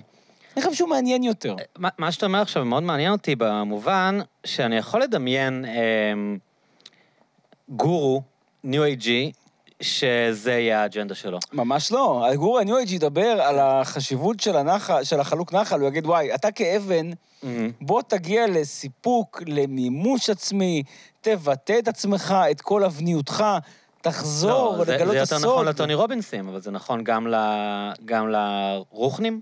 בוודאי, זה הכל יכולים אותו דבר. להגיד שאם אתה מפיץ מעט אור בעולם, עשית את שלך. כאילו, זה כן יכול להיות איזו הם- אמירה הם- נכון, של איזה רב חכם. כן, אבל הם בדרך כלל יגידו שהאור הזה נמצא עמוק בתוכך, זאת אומרת. איזה אה, מטמון עתיק של חוכמה ויופי שאתה רק צריך לחשוף אותו ולגלות אותו, ואז אתה תהיה, תמצא את מקומך בעולם. ואני אומר, ממש לא. אם כבר העניין, הסיפוק, העושר, נמצא תמיד בחוץ, תמיד בחוץ. אדם שכל היום יושב ובוהה ומחטט בפופיק של עצמו, אבל מה שאתה מביא, הוא בא ממך, הוא לא בא מהבחוץ. כלומר, הבחוץ הוא בחוץ. אתה, כן, אתה אבל איפשהו, מה, הבחוץ- מה אתה מביא? נכון, אבל הבחוץ זה מה מה שמעניין אותי, אני לא חושב על עצמי כאן. אבל אתה חושב על מה אני- אתה, אתה מתאר, איך אתה, איך אתה כחלוק נחל, כן. אה, מטה את הנחל טיפה. אבל הכמיהה הזאת, לשנות את הנחל, היא באה ממך, היא באה מה, מהרצונות שלך. היא היא באה מהאידיאולוגיה שלי. אוקיי, היא באה מהאידיאולוגיה האידיאולוגיה, שלי. אוקיי. אני חושב שהעולם צריך להיראות קצת יותר כמו שאני חושב שהוא צריך להיראות. כן. ואני מתקן עולם. מהמם. אני רוצה לשנות את כדור הארץ ואת האנושות, ואת מערכת השמש, כי אנחנו צריכים גם לייסד קולוניות, שיראו כפי שאני רואה בחזון שלי. אני יודע שאני לא אצליח, אבל אני מנסה קצת, טיפה, להסיט את המים לכיווני. זה אקט הרבה יותר מגלומני מאשר לעזור ולהפיץ אור ואהבה. אני לא בא להפיץ אור ואהבה. זה מעניין שאת הגישה הזאת, שאני יכול מאוד להתחבר אליה, אמ, לא לגמרי ביטאת בספר, להתרשמותי, כאילו אולי ביטאת אותה באגביות, אבל אה, הספר כאילו נשאר באזורים הניהיליסטיים, הסטלבט הטוטלי, שבן אדם שלא מכיר אותך או לא מנסה למצוא מה בכל זאת, יכול לקבל את המסר של הכל חרטא, עזוב אותך כאילו. לא, אני, אתה יודע, ניסיתי שלא, אה, והיו אנשים שדווקא קראו את הספר ואמרו שזה אשכרה עזר להם להתגבר על, על חרדות ועל פחדים. כי הם הבינו אה, שהם לא חושבים?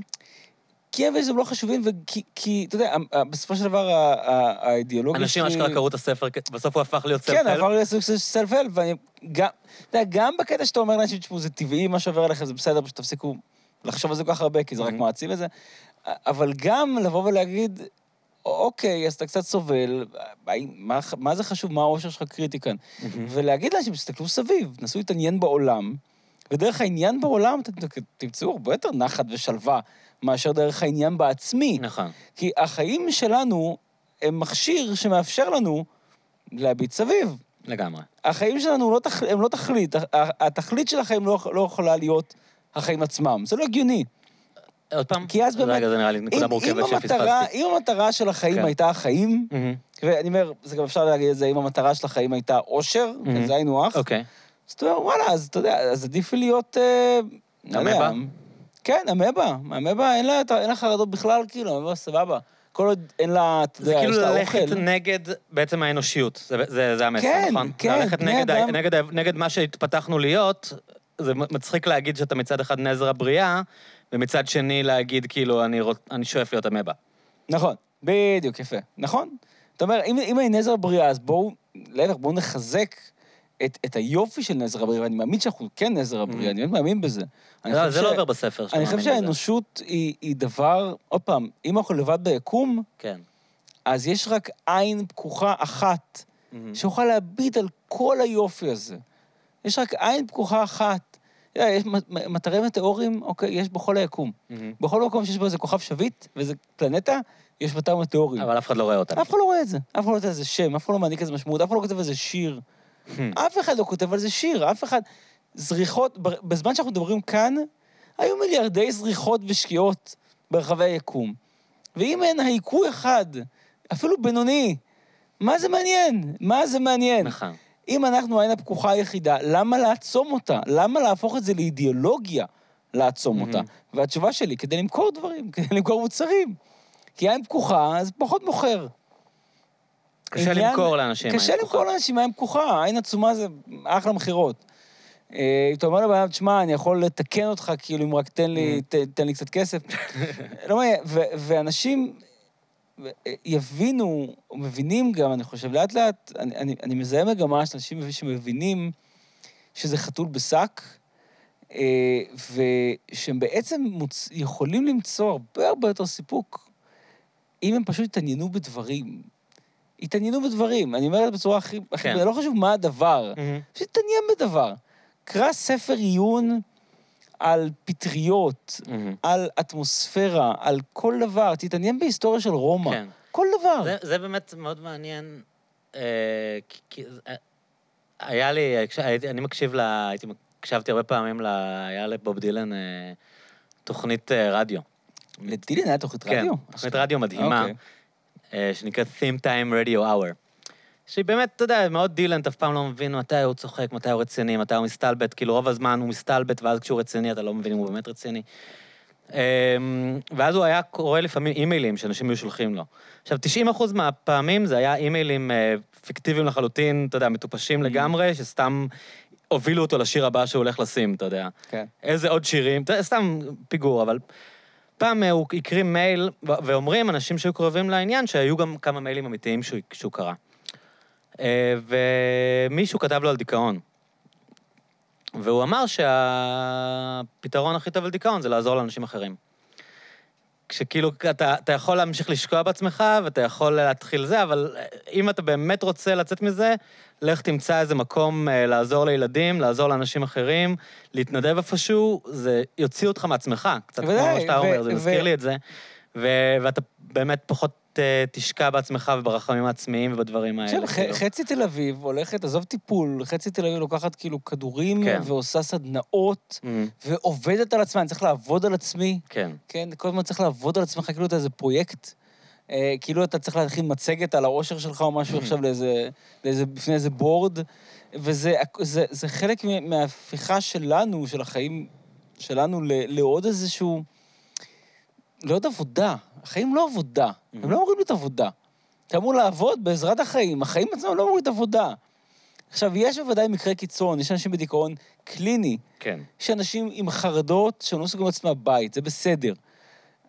seek help, כן? אבל אם אתה לא במצב הזה, אז don't seek help. אם אתה סתם רק- משועמם שמרחם על עצמו. סתם מישהו שמרחם על עצמו, אז בוא, תסיח את דעתך מעצמך על ידי זה שתביט סביב. כן. קודם כל, תסתכל מסביב, תראה אולי קורה משהו מעניין, תתעניין באיזה דבר, תפתח תחביב או שניים, זה תמיד זה טוב. הקטע, נכון? הרבה אנשים מדברים על זה.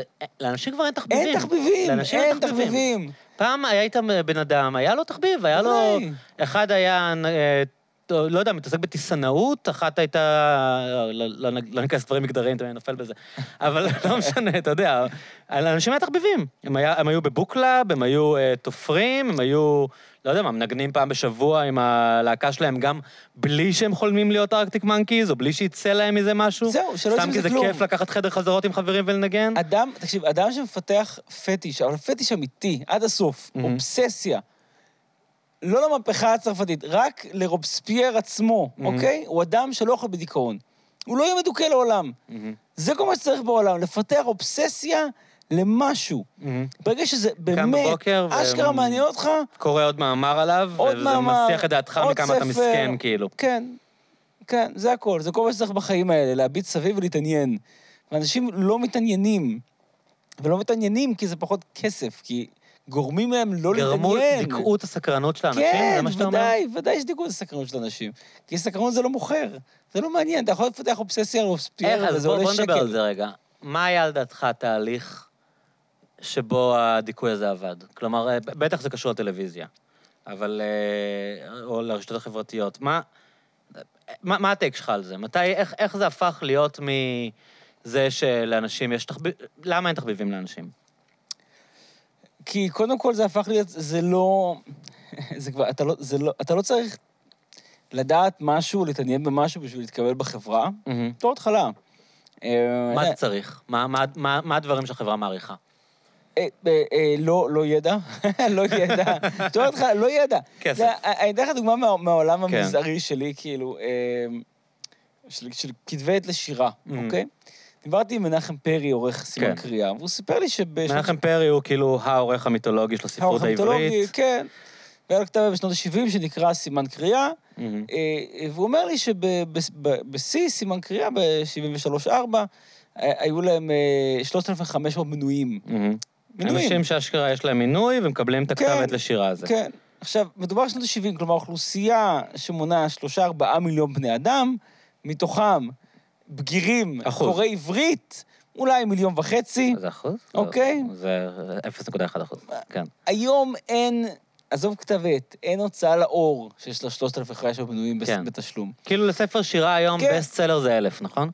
כן, אבל מנויים שאנשים מתחייבים עכשיו, אני באמת שם את הכסף, כאילו, אני רוצה, חשוב לי כל, כל אה, חצי שנה לקבל כתב עת 300 עמוד בשביל לקרוא אותו מאלף עד תו. אה, זה היה 300 עמוד כל כן, זה? זה כתב עת זהב קרס. מהמם. ו, והניתוח הפ- הפשוט ביותר, הבנאלי ביותר, הוא... זה לא שאנשים פחות חכמים, ממש לא. פשוט, פעם לא היית מגיע לדינר פארטי בלי Mm. שתדע מי הכוחות החשובים, הפעילים בקרב הצעירים, בטח. במשוררים ובסופרים. בטח. זה לא מקובל. זה אני לא זוכר מקובל. שמישהי סיפרה לי שזה סטלבט על מישהי אחרת, שהיא קוראת כל שבוע את, את מוסף הספרים של הארץ, כדי להגיע לארוחת ערב ולשחק אותה ולשחק בעניינים, אותה כאילו. בעניינים, והיום נכון. למי אכפת, כאילו. יפה, אז, אז, אז על מה כן. כן מדברים היום? על הסדרה בנטפליקס. כן. זה עוד פעם, האחדה, Mm. האחדה של העולם. עניין, של אתה קשר, כל יכול ללכת העולם. לארוחת ערב ביפן ולדבר על... אה, אני, אפילו אני נשברתי כן. וראיתי טייגר קינג אחרי שחפרו לי על כן. הטייגר קינג הזה. אני אומר, כל העולם מדבר על אותו דבר באותו רגע, סימן שמישהו מרוויח מזה המון המון כסף. נכון. אם בעבר קהילות שונות היו מדבר- מדברות על דברים שונים. על איזה משורר חדש שקם בקהילה חדש, שלהם. אפילו, אתה יודע, לא צריך, לא צריך ללכת משורר על זה. אוונגרד, על האחרון של עמוס עוז, מה שזה לא כן. יהיה. גם זה לא קורה יותר. אין לך ולי עכשיו שפה משותפת. מהמם. אין לנו שפה משותפת ברמת דימויים, אין לנו. כי לא, אני יש עכשיו... לנו superheroes, יש לנו, אנחנו ראינו אבנג'רס, כאילו. נכון, כן, כן. ואתה יודע אם כבר פתחת את זה, כאילו, כן. מה, מה, זה מעניין אותי, האמת, היום חשבתי על זה. מה, על קומיקסים? תשמע, ראיתי היום אה, עם אה, חברים שלי את אה, אקדמיית המטריה.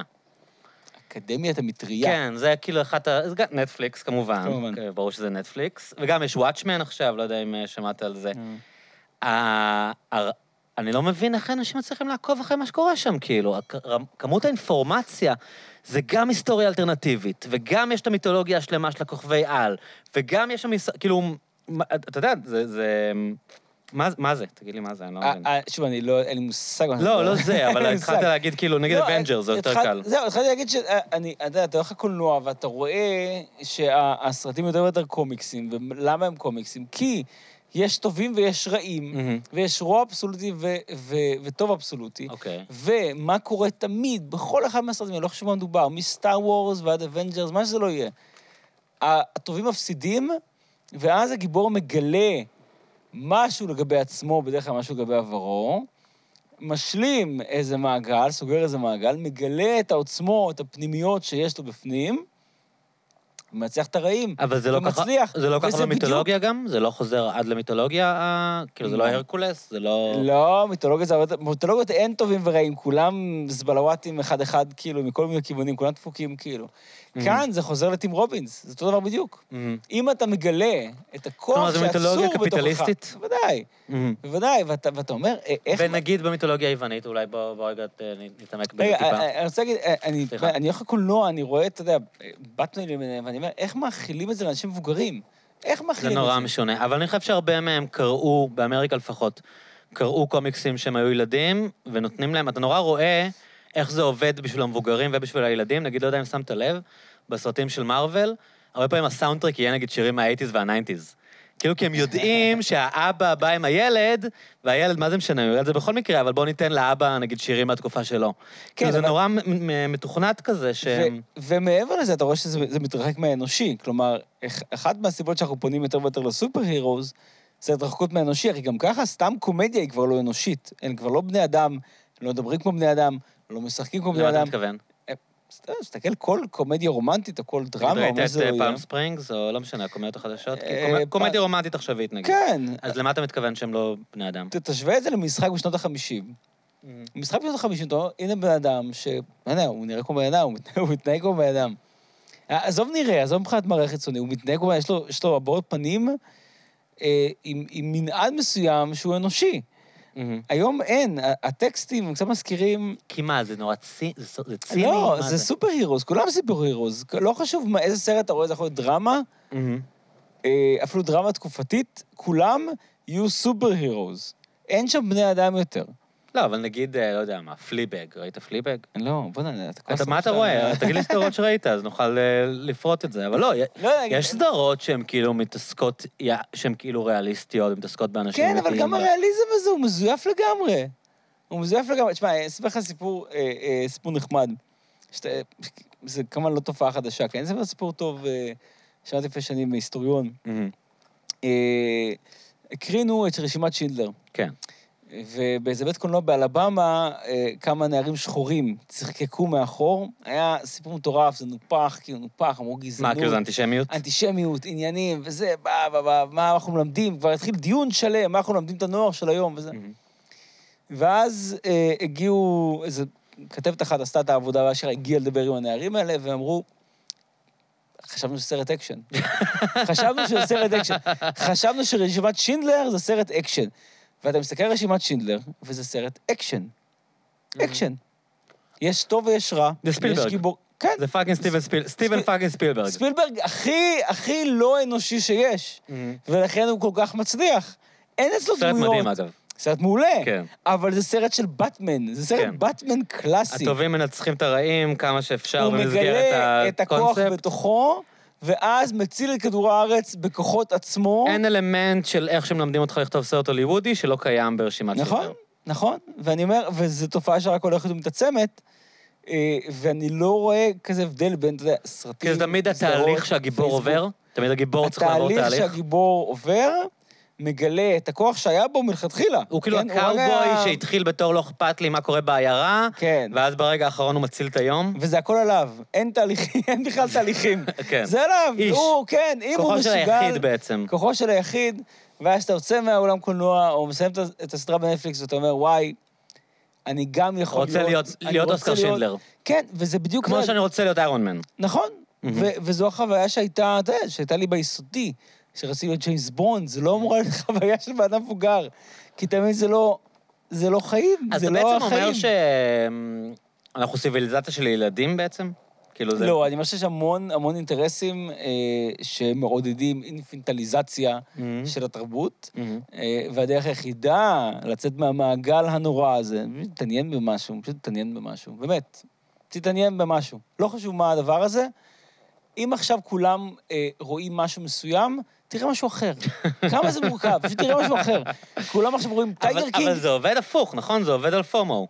זה עובד על, כמו שאתה אומר, שבסוף כן ראית טייגר לא, קינג, כי- אתה רוצה לדעת על מה כולם מדברים. אתה נכון. לא רוצה להיות הבן אדם הזה כי אנחנו- שיושב בארוחת ערב, כן. והוא לא יודע על מה כולם מדברים. כי, כי אנחנו יצורים חברתיים, אתה רוצה כאילו, אתה יודע, אתה רוצה לדעת שאתה, יש לך על מה לדבר עם בני אדם אחרים, ואם יש רגע משעמם, כאילו, אתה רוצה להגיד משהו לסדרה, ואתה רוצה שפה משותפת. ואיך זה הפעם? פעם היה לך תחום עניין ייחודי, ואנשים היו אומרים, כן. אה, עודד, ספר לנו מה, אתה- במה אתה מתעניין, אולי אתה יכול אה, להעשיר את השיחה במשהו? אז אה, תראה, יש לך חדש שהיא קודם כל בינלאומית, כלומר, Mhm. כולם רואים טייגר קינג. לגמרי. דרך לרואנדה ומדברים על אתה, fucking אתה טייגר מזכיר לי קינג. סיפור שקרה לי, אני אה, טיילתי ביפן, נראה לי סיפרתי את זה כאן, אבל לא אכפת לי. אמ, והגעתי לאיזה, באמת, חור, חור של החור, אתה יודע, מין מקבילה של, לא יודע, אמרת מצפה רמון, מצפה רמון זה עוד תיירותי. אמ, רגע, שנייה, יש לי טלפון, אני צריך לסגור אותו איכשהו. שנייה.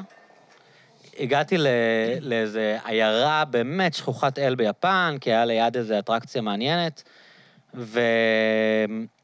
ובסוף היה איתי איזה... המארחת שלי ב-Airbnb לקחה אותי לאיזה בר. כי אני, כמובן, אתה יודע, הגעתי, היה כזה עשר בלילה, ואמרתי לה, אוקיי, איפה שותים פה בעיירה שלכם? והיא נורא הופתעה, כי רוב האנשים שמגיעים לשם רק רוצים לקום בשש בבוקר וללכת לטייל, אבל כן. בכל זאת היה עשר בלילה, אז רציתי לצאת. והיא לקחה אותי לבר של חבר שלה, הוא לא ידע אנגלית. אבל באיזה שלב היינו, כאילו הייתי איתה, והוא היה הבעלים, ושתינו, והוא יפני, הם נורא אוהבים וויסקי, שתיתי איתו וויסקי, וזה, כמו שאנחנו אגב שותים עכשיו לפרויג, כי נגמר הג'ק דניאל, המקום סגור, אז כל הסחורה כאן מבולגנת. אז אני ועודד, אה, אני ועודד אה. נאלצנו לשתות לפרויג. אמ, ובשלב מסוים לא, לא היה לי כאילו בכלל איך לתקשר איתו, והשיחה רק הייתה, הוא היה פריק של קולנוע, היה לו מלא פוסטרים של סרטים הוליוודיים בבר, ברור. והשיחה הייתה, הוא אומר שם של סרט, אני אומר לו כן. אני אומר שם של סרט, הוא אומר לי כן. הוא כזה, אה, קוונטין טרנטינו? אני כזה, yes, Reservoir Dogs, yes, וכאילו זאת הייתה השיחה. כאילו, זה, זה איפשהו ההאחדה הזאת שאתה מדבר עליה, כאילו, לא משנה מוחלטת. יפני שגר בעיירת דייגים, בסוף אנחנו מדברים על אותם תכנים שמיוצרים בלוס אנג'לס, כאילו... זו, זו האחדה מוחלטת בכל תחומי החיים. זאת אומרת, לאן שאתה מסתכל, אתה רואה האחדה. אה, גם ב... אתה יודע, אפילו בדיבור, אנשים...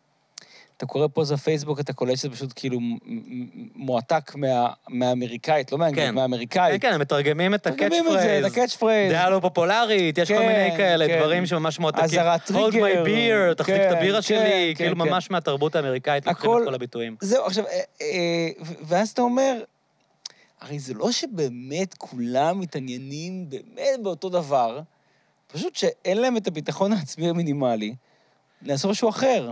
פשוט לעשות משהו אחר, כי מה, הם משהו אחר. מפחדים כאילו... מה זאת אומרת אין להם את הביטחון העצמי? כי הם מפחדים לצאת, הם מפחדים לצאת weirdos Mm. ליד החברים שלהם, כן. שכל מדברים על טייגר קינג. כאילו, אתה והסדרות המוזרות שאתה רואה, למה אתה לא רואה טייגר קינג כן, כמו כולם? נכון. שוב, זה מדהים, אתה אה, אה, אתה מסתכל על נטפליקס, יש שם המון המון המון דברים, וכולם רואים אותם דברים כן. בא- באותם זמנים. אה, אז אפילו בתוך סדרות בנטפליקס אתה יכול להיות מיוחד, ואנשים כאילו מחפשים איך הם מיוחדים, אבל. על זה הם לא חשבו, משום מה. בגלל הפחד המשתק הזה, Mm-hmm. כאילו אנשים כל הזמן מחפשים איך אני יכול להיות מיוחד, איך אני יכול להתבלט. אתה אומר, הם אפילו לא רואים סדרה שאחרים לא רואים בנטפליקס? ברמה הזאת, כן, זה כל כך פשוט. אה, אתה יודע, אפילו ב... אה, אני אומר לאנשים, תקראו ספר שאף אחד לא קרא, כן. שנה, עשר שנים. מה רע? מה מורכב בזה? כן. אולי לכם השקפת עולם טיפה שונה. אבל יש אנשים כאילו אה, מעצבנים כמוני, נגיד, שהם לא... אני נגיד אה, נורא אוהב, אה, בתקופה האחרונה, נגיד הלכתי לשוק הפשפשים בחיפה, ראיתי ספר בחמישה שקלים, כאילו, אתה יודע, קניתי אותו ואני קורא אותו עכשיו. כאילו... נהדר, ככה צריך. כן. אתה יודע, זה מה יהפוך את פייסבוק למקום מדהים, Mm. וגם את כדור הארץ למקום מדהים אה, באותו עניין. אה, אם כל אחד פשוט יכתוב על משהו שהוא אוהב, פשוט יכתוב באמת, אתה יודע, אם עכשיו תבוא ותגיד, וואלה, Selling England by the Pound של ג'נסיס זה אלבום. נהדר. ברור. אם אתה מייצר את הפוסט הזה, אגב, הייתי אחד- פורסט מהשיר. נכון, אשכרה. Living כן? ברור, שיר ענק. כן, לק... היית אני- שם? הייתי שם, לא כן. יודעת שזה מקום אמיתי בכלל. אני וניצן, חבר שלי, נסענו, אמרנו איזה יום שאנחנו נצא מלונדון, לקחנו רכבת, וירדנו איפשהו, ופתאום ראיתי שלט, Epping Forest. וואי וואי. מה אתם יכולים ללכת לשם? אחלה יער. אחלה יער, כן, אתה ממליץ על היער. כזה. כן, ממש אחלה יער. אז אחלה נגיד, זה פוסט שהייתי רוצה לקרוא. ואם כל שהייתי אחד... ב Epping Forest. כן, ואם כל אחד פשוט ייצר... לא שהיית שם, שאתה, שאתה אוהב את זה, שזה שיר שאתה אוהב. זה מעניין אותי. מעניין אותך. כן. כל אחד ידבר על מה שמעניין אותו באמת, ולא על מה שהוא חושב שמעניין את כולם כרגע, כי זה מוכתב על ידי כוחות לגמרי. חיצוניים. לגמרי. כל אחד באמת יכתוב יש מה את ש... הנושא שמדברים עליו היום. נכון. אז נגיד, לא רציתי שנדבר על עזוב אקטואליה. היום, על הנושא שמדברים עליו השעה. השעה. הרי זה משתנה משעה כן, לשעה. פוסט מאתמול לא רלוונטי בכלל. לא- לא אחד. מעניין. אז אולי אה, רגע נדבר על... אה, סתם דוגמה, למרות שאני לא רוצה לצלול לפוליטיקה, כי כל כך כיף לי שסוף סוף... אה, בפודקאסט האחרון דיברתי עם האורחים שלי על מתי כבר לא נדבר על קורונה ו... אתה יודע, ביבי ו... נגיד עכשיו יש נחל האסי. כן. כאילו, אתה באמת נכנס לשם, אה? לא, זה באמת... לא, לא, אני לא רוצה להיכנס לשם, אני רוצה לדבר על היום אני רוצה. לדבר על תופעה שלכל אחד יש מה להגיד על זה. בן אדם, זה כאילו יש קיבוץ, יש עיירה ליד. האנשים בעיירה רוצים אה, לשחות בנחל, אחלה, שיפתרו את זה ביניהם. אתה, אתה לא רוצה לנסוע לנחל, אתה לא היית בסחנה בחיים שלך. לא מעניין אותך בשום צורה. למה, למה, צורה לא מעניין למה זה. חשוב שתהיה לך דעה על מה שקורה כי- בנחל האסי? כי כולם עכשיו מדברים על זה. אז כן. אתה אומר, מה הדרך שלי להתבלט? מהמם. יש את הדרך הקשה ויש את הדרך הקלה. הדרך הקשה להתבלט, היא שיהיה לך משהו מקורי להגיד לבני אדם שהם לא הנושא שומעים- אחר. הנושא אחר. זה קשה נורא. אתה צריך קודם כל ללמוד משהו, להתעניין במשהו, לגבש דעה על משהו כמה שנים, ואז פתאום להפתיע, ואז גם להפתיע עד כדי כך שהקול שלך מספיק רם כדי שבכלל יאזינו לך בשיחה הכללית. זה העניין, נכון? זה העניין. אתה יודע שאם תדבר על נושא שמעסיק את כולם גם ככה, אז אנשים כן. יקראו את זה, ואם עכשיו אתה תהיה עודד שמדבר על אה, מטאוריטים, אז פתאום, נכון, אתה תמצא את הקהל? כן, אבל זה דורש איזשהו מעמד. כן. הדרך הקלה היא לעבור על הפיד ולהגיד, אוקיי, בפוסט הראשון קראו לקיבוצניקים אה, אה, אשכנזים מניאקים, הפוסט כן. השני קראו להם קלגסים, הפוסט השלישי כבר השווה את זה לנכבה. כן, אני אשווה את זה לשואה, כן. ויהיה מלא לייקים, כי זה כרגע הטרנד. צריך, צריך to, איך אומרים? to pick, אה, push it up a notch, מה שנקרא. כן, כן, עוד לדחוף אחד. את זה עוד קצת למעלה. אתה לוקח את זה up to 11, כאילו, כן, עוד אחד. שלא אמרת שום דבר חדש, לא למדת. אתה לא למדת שום אין דבר. לך שום דבר אמיתי להוסיף שום לשיח. דבר להוסיף. כן. אין לך עובדה אחת, אחת. אה, עכשיו, אני לא אומר עובדה אחת בשביל לחנך אנשים, אני אומר עובדה אחת בשביל לעניין- את עצמך. כן. אתה לא מעניין את עצמך בפוסט זה פוסט שלא מעניין אתה אותך. מחפש את הלייקים. אתה מחפש נטו לייקים, כי אתה כן. מחפש עכשיו להיות חלק מחברה אנושית, להיות חלק מחברה בני אדם. אתה חייב לעשות את זה דרך חברה שיושבת עכשיו בלוס אנג'לס, אה, לא בלוס אנג'לס, בעמק הסיליקון, כן? כי בלי החברה הזאת אתה מרגיש לא אנושי.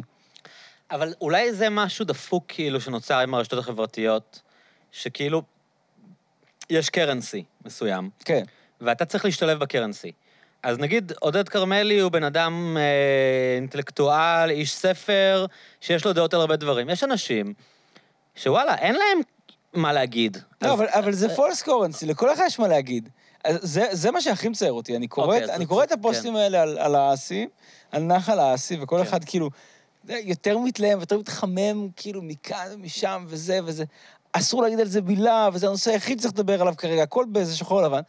ואני אומר, אותם אנשים בוודאות, בוודאות, יש להם משהו מעניין להגיד, הם, ב- הם, לא, הם לא אתה מסוגלים חושב להגיד... שגם אבל- לבן אדם שהוא לא איש ספר, ולא... יש לו משהו מהעולם שלו להביא, תגיד, כאילו? ל- אה, אה, תן לי דוגמה, נגיד, למשהו שבן אדם שהוא לא כמוך מתעניין בהיסטוריה ומדע וספרות, יכול לתרום, נגיד, ב... לא יודע מה, בתוך המדיום הזה, שבסוף בן אדם צריך לכתוב טקסט ולקבל עליו לייקים. אז אמרתי, היית, היית ב Epping Forest? כן. ספר על זה, ספר על פעם ראשונה שמעת את האלבום של ג'נסיס. ספר על זה, זה מרתק. אני הייתי עושה לזה לייק. כן. זה מעניין. ואנשים לא עושים את זה, למרות שעשו את זה בעבר בפייסבוק, אבל בהתחלה זה היה ככה. זה היה רשת חברתית, זה כבר לא רשת חברתית. זה לא רשת חברתית. אה, ואני אומר, אותם אנשים רק מדרבנים כזה אחד את השני, ורק כזה במלחמה על הטיימינג הכי מדויק והדבר הכי שערורייתי שאפשר להגיד שהוא... זה בעצם סוג של, אה, אה, כאילו, מדור דעות מוקצן Mhm, כזה, אבל זה רק mhm. דעות, זה לא שום דבר בעל זה הופך. את העיתונות המסורתית למשהו קצת משונה, לא? לפעמים אתה פותח הארץ ואתה אומר, "אמ, זה עוד בן אדם שכותב טוויט? אתה מתכוון? מה אתה זה, כאילו- זה, זה, כן. זה הולך לשם כי שם הכסף. זאת אומרת, Mhm. זה גם מרוקן את העיתונות מתוכן, זה כן. גם בעיה. אתה קורא מאמר דעה, רוגל אלפר הוא דוגמה נהדרת, רוגל אלפר הוא סתם, זה פוסט זה עוד בפייסבוק ארוך. צייצן, עוד- כאילו, זה כן, צייצן. שמצלצל הנה משכורת. דעתי, עכשיו הוא כתב שישראל קטורזה פשיסט. כן. סבבה, ישראל קטורזה פשיסט. לדעתו, עכשיו, הוא לא מוכיח את זה בשום דרך, אבל ישראל קטורזה פשיסט. אוקיי. אבל זה באמת רלוונטי רק לזקנים שלא בטוויטר או בפייסבוק, לא? כי אתה כבר קראת דעות אחרות על קטורזה לפני, כאילו, אתה מבין כמובן? או לא, לא על קטורזה, על מישהו אחר שהוא פשיסט, זה לא משנה. לא, אבל ב- אתה... המשחק של מי פשיסט הוא לא מעניין אותך כשאתה שם כל הזמן, זה לא סיבה לקנות עיתון. כן, אתה צריך to follow the money. If you follow the money, אתה רואה זה מוביל חזרה למרק צוקרברג. כן. כן, זה מוביל חזרה לאילון מאסק, לג'ף בזוס. אלה האנשים שמתעשרים מכל הדבר הזה. זה, זה, זה נורא מטורף, לא? שפעם, כאילו, האנשים, הברונים השודדים, היו אנשים שבנו את המסילות ברזל או החזיקו בנפט, והיום האנשים שהם המקבילות שלהם המודרניות הם האנשים שמאפשרים את כל המשחק הזה, כן. וגורמים לאנשים לריב אחד עם השני. וזה זה הביזנס שלהם, והוא ביזנס מדהים. לריב אחד עם השני. נהדר, כן. הרבה אומרים שאלגוריתמים של אה, פייסבוק, לדוגמה, הם מעודדים כאילו ריבים. ברור שהם מודדים ריבים, הם מודדים ריבים, הם, הם, הם, הם מתנגדים לכך שתכתוב על selling England by the pound, כי Mhm. זה לא, זה דבר שאתה לא רוצה לכתוב אותו, כי הוא לכאורה לא פופולרי. למרות שעוד פעם, בטווח הארוך הוא יהיה הכי פופולרי, כן? שברור. זה מה שיישאר בסוף. זה מה שישאר בסוף, כי לאף אחד לא אכפת מהנחל האסי עוד לא חצי מעניין, שנה. כולם ישכחו את זה, ואם אתה מסוגל עכשיו ל... ובהגדרה, Selling England by the Pound זה אלבום מלפני 30 שנה, 40 שנה. כאילו. כן, וגם כן. בהגדרה אלבום טוב, כן, אלבום נהדר. נכון. אם אנשים יכתבו על הדבר הזה, אז זה, זה משבש את האלגוריתם של פייסבוק באותו יום, אבל בטווח הארוך, הם יפתרו את זה. הם יפתרו את זה, אבל בטווח הארוך זה עוזר לך לבנות גם את עצמך כבן אדם, וגם בתור בן אדם פופולרי יותר, אתה תראה שהפופולריות שלך נוסקת. כי הדעות שלך על הנחל האסי זה לא, אם אנחנו מדברים עכשיו סוציולוגיה טהורה, כן? כן. אה, זה לא מה שיעזור לך מול ה peers שלך, מול העמיתים שלך, מול בני האדם, חברים. זה לא מעניין, יש לך עוד דעה על טייגר קינג, עוד דעה על נחל האסי. לא מעניין אף אחד. אם אתה תצליח להיות הבן אדם שמדבר על progressive rock מה-70's, אוקיי? כן. אז דרך זה שתקבל לייקים, אתה גם צריך לעשות טיפה תחקיר, אתה תקרא יותר, אולי תקרא איזה מאמר, לאט לאט תהיה אשכרה הבן אדם שה hobby שלו זה progressive rock מה-70's. ואז תהיה בועז כהן. בועז כהן, זה החיים שלו. ובועז כהן מאוד פופולרי בפייסבוק. העניין הוא שהאלגוריתם, שפעם, ואני אני לא מדבר כאן באיזה נוסטלגיה, כן? פעם כולם היו בועז כהנים כאלה. כן. כל אחד היה לו איזה עניין. היה את הקטע שלו. היה את הקטע שלו. אנשים היו צבעוניים וססגוניים, דהיינו, היה להם דפקט מסוים למשהו מסוים. ואתה חושב שהכל נובע מזה שרוצים שנקנה אותו דבר? בוודאי. זה עובד נהדר. תשמע, אתה מסתכל על... כי אם יש מודל לא- יופי מאוד ברור, אז יותר קל לתאגידי, לא יודע מה, האיפור או ה-whatever, למכור להם את אותו מוצר, כאילו, זה בערך ההשטחה. לא, כי, כי אתה מסתכל על נפח, אתה יודע, נפח אה, פוסטים ביום, ואין לי ספק שבישראל זה יתפוצץ, ביום של נחל האסי זה יתפוצץ. ואז אנשים היו כל היום בפייסבוק, ואז קפצו קפצו כדי לנו לראות יותר מה כל אחד פרסומות. אומר ומלא. אולי. היום מעניין בפייסבוק, יש ימים לא מעניינים כן. בפייסבוק, פחות ופחות, פחות מעניין דואגים שיהיו לדבר על מעניינים. נתוני הצמיחה, נחל האסי כן, זה סקסי, נכון, כאילו. נכון, נכון. המיתון, האבטלה האיומה, כן. העובדה שכל תל אביב, חצי תל אביב להשכרה, להשכרה, להשכרה, זה לא מעניין. נחל האסי, מזרחים אשכנזים, בום, כן. כסף.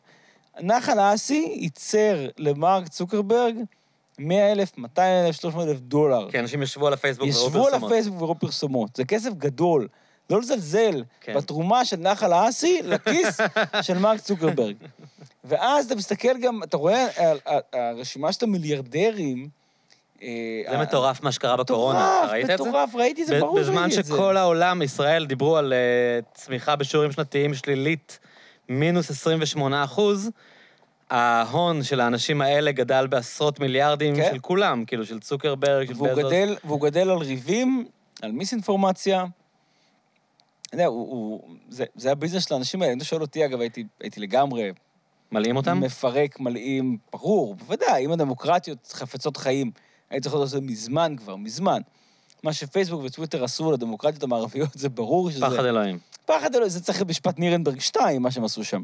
זה פלילי עד הסוף. זה נורא מעניין, כי זה התחיל בתור משהו מאוד אופטימי. אני זוכר, כשהיינו במחאה של 2011, נמרוד, שותף שלי, הגאון הזה, הוא ראה את האביב הערבי, שהתחיל הרבה בגלל פייסבוק, כן. והוא אמר לי, אתה תראה, עוד מעט תהיה מחאה בישראל. כן. הוא אמר, ואמרתי לו, למה אתה אומר את זה? אז הוא אמר, כי אי אפשר יותר להבדיל, להפריד בין אנשים, והם מצליחים לתקשר בינם לבין עצמם בלי השליטה של המדיה והשליטה של, ה, של האנשים למעלה, ו, ו, ותקום מחאה.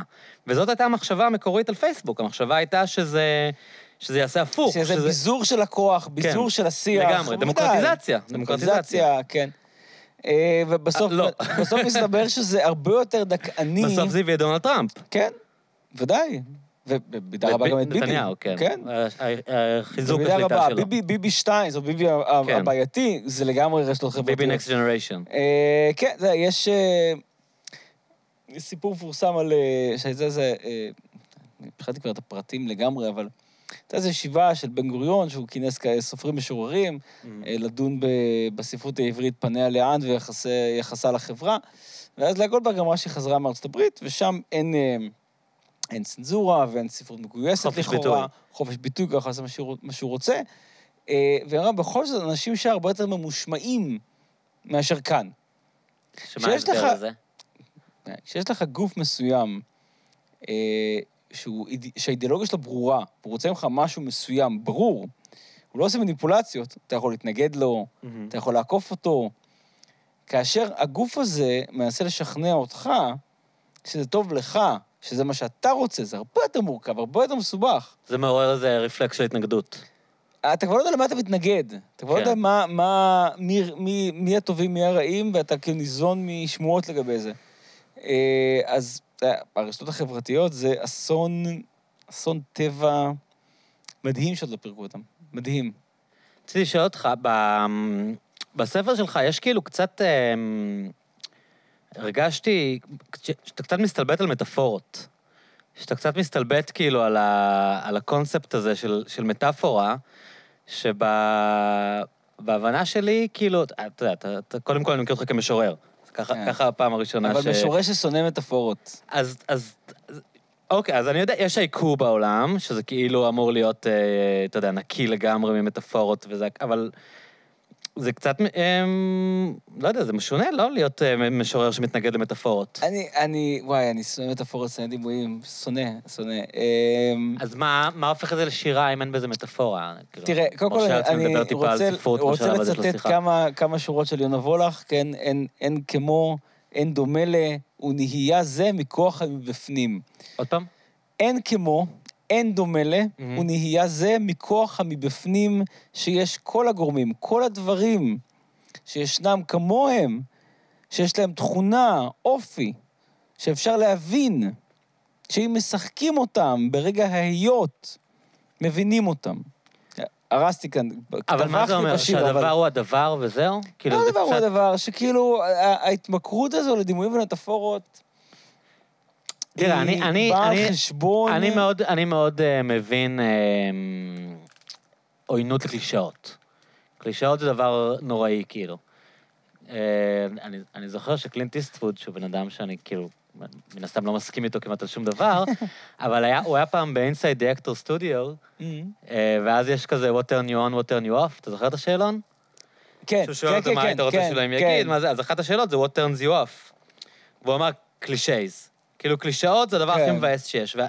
וזה אחת הסיבות, אגב, שאני שונא אה, 90% ממה שאני רואה ברשתות חברתיות. נכון, זה הכל כי זה קלישאות. אנשים שמדברים בתבניות וקלישאות, ולא תבניות. כן. לא אומרים את הדבר עצמו, כן. ובכלל כתיבה גרועה. כאילו, כן, כן, כן. מה שמאפיין כתיבה גרועה זה שימוש בקלישאה שלא חשבת עליה לרגע, והיא פשוט נשמעת לך טוב, אתה כותב אותה אוטומטית. כן. אבל מט- מטאפורה זה, מטאפורה טובה, היא לא, היא לא קלישאה, היא לא צריכה להיות קלישאה. כלומר, יש מקום ל... אה, תראה, אני לא, אה, אה, ברור, הטעם, ה... מה זה הטעם הספרותי שלי? האידיאולוגיה הספרותית שלי היא מתנגדת נחרצת כי מהסיבה הפשוטה שאני חושב שהיקום מספיק צבעוני, מבלי להוציא, להוסיף לו צבע לא הכרחי. כלומר, אני, אני מאוד מעריך את, ה, את המשוררים באהבה לאבא, אבל לא רק באהבה לאבא, כלומר, לא בכתב יד אבל שאני לאבא זה עורך. חייבת שאתה עורך, כן. נגיד. לא רק באהבה לאבא, בכלל, אני מעריך אנשים שמסוגלים לעשות את המאמץ הזה של... אני עכשיו אבין באמת מה הדבר, זאת אומרת, אני אלמד, אחקור כמה עובדות, וזה, וזה, וככה אני אמצא כאילו מטאפורה, שהיא המטאפורה הכי טובה, כי היא גם אמת. אה, אתה יודע, אם עכשיו, לא יודע, עמנואל לוי, מי זה? אה, משורר שלנו בהבה להבא, אה, שאני גם מוציא לו ספר בקרוב, כותב על, אה, יש לו מחזור שירים של איים שהולכים לשקוע בקרוב בגלל התחממות גלובלית. וכל אי, הוא עשה קצת מחקר, אתה יודע, האי שגילו אותו וקראו לו על שם אבל זה- כריסמס, כי הוא האי הראשון שחג המולד מגיע אליו. אבל, אבל זה מעניין בגלל המימד המטאפורי של זה. כן, אבל זו מטאפורה שהיא גם אמיתית. זאת אומרת, הוא לקח... אבל זה מטאפורה, אתה מבין שלא אכפת כן. לי מהאי הזה, אכפת לי מהמימד המטאפורי. בוודאי, הכל מטאפורה, אוקיי. בסדר, הכל בסדר. אני רק אומר, אם כבר, אז תעשה את המאמץ, אתה יודע, כל דבר מתרחק מכל דבר, בגלל, כמעט מכל דבר. בגלל אה, אה, התפשטות היקום. ת, תראה לי מטאפורה טובה מבין מהמטאפורה הזאת. מטאפורה. ברור שזה מטאפורה. התפשטות היקום. אני כאן. משחק עליה כל הזמן, אבל כן. תראה לי מטאפורה יותר טובה שאיזה משורר מסוגל להמציא. מאשר הדבר הזה שהוא אמת פיזיקלית. כן. אין מטאפורה יותר טובה אתה- מהדבר הזה. אז תן לי דוגמה למטאפורה גרועה. וואי, לא, סתם אני? מתכוון למה מה- מה הסוג אה, שירה או המטאפורות שאתה בז להם, או שאתה חושב שאתה מנסה כעורך ספרותי, לא רק כמשורר, אה, לשרש, לעקור. נגיד סתם, לא, אפילו לא משיר ספציפי, כאילו עם דוגמה, אתה יודע, ש- הדבר ש- שבלונית, כאילו. הדבר שאני הכי הכי שונא, וזו שיטה שפיתח אותה בעיקר יהודה עמיחי, אבל היא מאוד פופולרית היום בישראל, זה כאילו דימוי חוזר, זו מטאפורה חוזרת, שרק הולכת ומשתבללת בתוך עצמה ומעצימה כאילו את עצמה. לוקחים איזושהי מטאפורה וגוזרים ממנה אינסוף, אינסוף פרשנויות מאותה, כן, מאותו דימוי? כן, נגיד, אתה יודע, יהודה עמיחי, אה, יש לו שיר, אנחנו, אה, אנחנו שניים מספרים. מהמם. ואז כל השיר זה על כפל ועל חילוק, אבל גם אם יחלקו אותנו, אנחנו נשאר באותו מחנה משותף, טה, טה, אוקיי. טה. הכל כאילו זה- משחק על זה- כי מתמטיקה. זה קצת ברמת המשחקי מילים, לא? זה לא משחק מילים, זה פשוט כאילו הכל עם אותו שדה סמנטי, ו- זאת אומרת, אתה לא סומך על הקורא שלך בכלל, אפילו לרגע אחד, עם איזושהי סטייה. אתה מאכיל אותו בכפית? מה זה מאכיל אותו בכפית? בגלל זה שיר אהוב על כל מיני מורות למתמטיקה. אה, אבל זה קצת לא כמו אה, one is the loneliest number that you בסדר, אתה ever יכול do. להתחיל עם זה ולהתקדם הלאה, אין לי בעיה, אבל. כאילו לחזור ולחפור, וכל כך הרבה אנשים עושים את זה היום. זה אתה הכל- לא אוהב אותו בתור משורר? את יהודה עמיחי? כן. לא. זאת אומרת, אהבתי אותו בגיל 17, הוא היה המשורר האהוב אני עליי. פגשתי אבל- אותו פעם, אתה יודע? את יהודה עמיחי? כן. ברצינות, מתי? אה, כשהייתי בכיתה י"ב, הוא בא לדבר... אה, בבית ספר? בבית ספר. אני בהלם. והביאו כאילו נציג מהכיתה הספרותית, והמורים, אני סמכו עליי שאני לא. אעשה פדיחות. ואני התרשמתי בעיקר מכמה הוא סאחי. כאילו... יהודה עמיחי הכי סאחי. וכאילו, אני הייתי בטוח שאני אפגוש, ואני הייתי ילד כריסמס. התעניין בספרות וזה, והוא כאילו רק שאל אותי כזה, אז מה, אתה מתגייס? מה אתה הולך לעשות בצבא? הבת שלי חיילת, כאילו, הכי סאחי שיש. זה, כן, יהודה עמיחי סאחי. שלנו. והחוויה השנייה שהייתה לי, שהיא הפוכה לגמרי, הייתה שפגשתי את נתן זך ב... אה, נתן, כן. שזה משהו בן. אדם מגניב, לא, כאילו. תקשיב, אני אני פגשתי הייתי... אותו בבית קפה במסריק, וזה היה כאילו ה-total opposite, אתה יודע, הוא היה הכי נתן זך שיכול להיות. אני, תקשיב, אני הייתי בתיכון,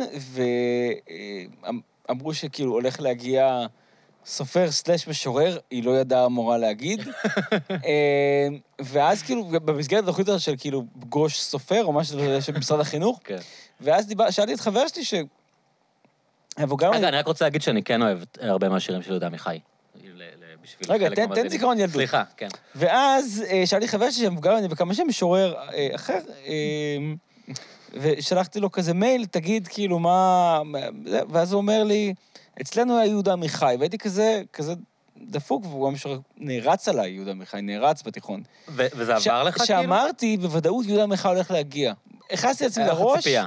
שהוא, לא, מה זה ציפייה? הכנסתי לעצמי לראש שזה פרויקט שמכיל אך ורק את יהודה עמיחי, וזה יהודה עמיחי הולך מבית ספר לבית ספר. מסתובב בתיכונים ברחבי כן. ישראל. אולי זה נכון, כי כן, אצלנו היה. ואז, ואז הגיע ראובן מירן, אה, שהוא בחור מאוד נחמד וסופר לא רע, אבל אני פשוט, אני בכיתי, זה היה נורא, אני בכיתי. כי היה לך חלום ואני לפגוש את יהודה עמיחי? הכנתי שירים להראות ליהודה עמיחי, אני רציתי להראות לו שירים שלי, ושיגיד, אתה משורר נהדר, בוא איתי, נפרסם אותך, וזה היה אה, ראובן מירן. אני רק רוצה להגיד דבר אחד כן מגניב שהיה מיהודה עמיחי, שאולי אני אה, מאזן את איך על אותו כסאחי, שחבר שלי היה בהרצאה, והוא ממש ממש השתעמם, ובשלב מסוים הוא התחיל להשתעל, כאילו כדי לצאת מהזה ולעשות כאילו לא כן. מרגיש טוב ולעוף משם, וקלטנו את יהודה עמיחי כאילו צוחק וקולט שהוא מזייף את זה, כאילו מבסוט עליו שהוא משתעמם והולך, אז זה משהו נחמד אה, שיש לי להגיד עליו.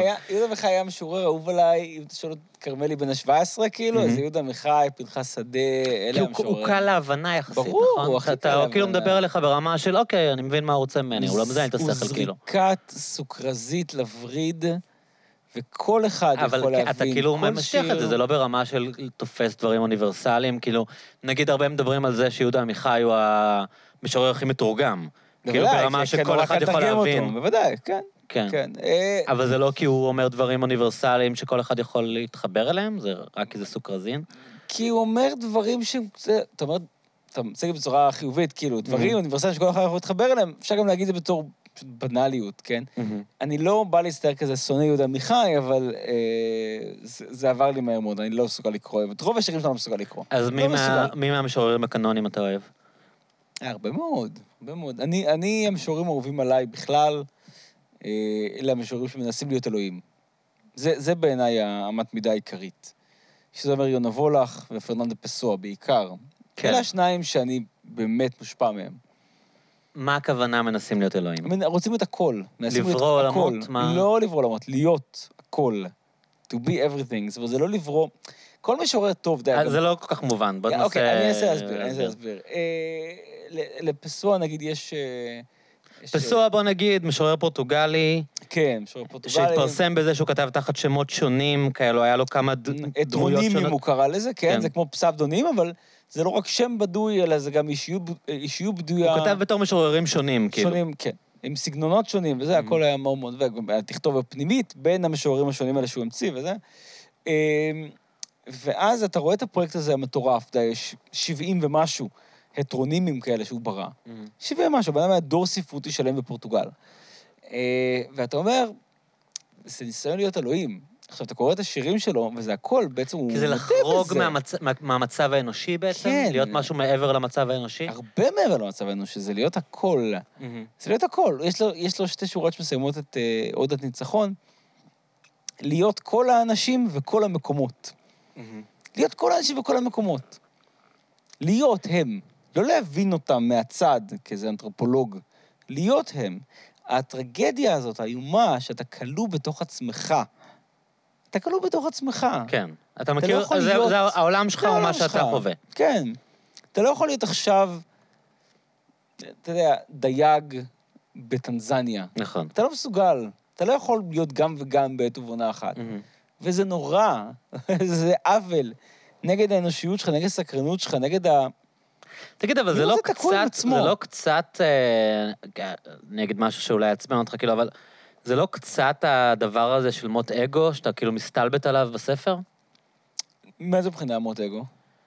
מוט אגו, אה, ב, נגיד בבודהיזם או בהינדואיזם, זה כאילו החוויה של לצאת אה, מעצמך. לא, לא, לא, אז זה- זה ההפך. ולהיות אחד, מ... להיות אחד עם היקום. לא, כאילו. לא, חלילה, חלילה וחס. זה להיות אגו אחר. לא, זה להיות כל האגואים, זה להיות סופר סופר אגו. מהמם. זה לא להיות אחד עם היקום, זה להחליף את היקום, זה להיות היקום כולו.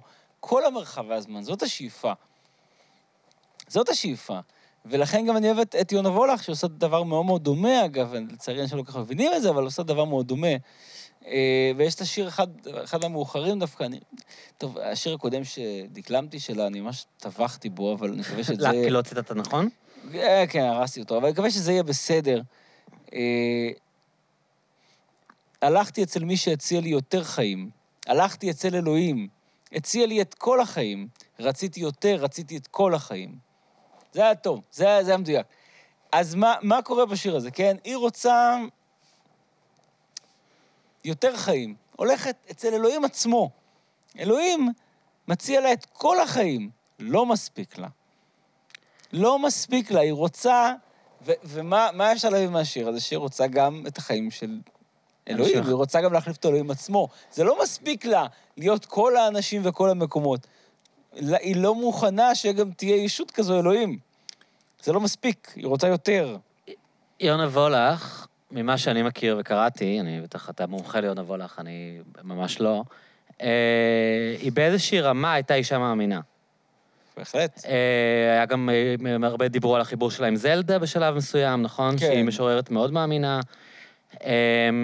אני זוכר איזה קטע שכתבת הספד, איך קוראים למשורר הזה שהיה גם מנכ"ל של חברה שנפטר, אורי? אורי ברנשטיין. אורי ברשטיין. כן, שהוא אמר לך משהו כמו, אני זוכר פשוט הפוסט שלך, אפרופו פייסבוק, כן. שהוא אמר לך, משורר אמיתי לא מאמין באלוהים, משהו כזה. אני, אני לא מאמין למשוררים דתיים.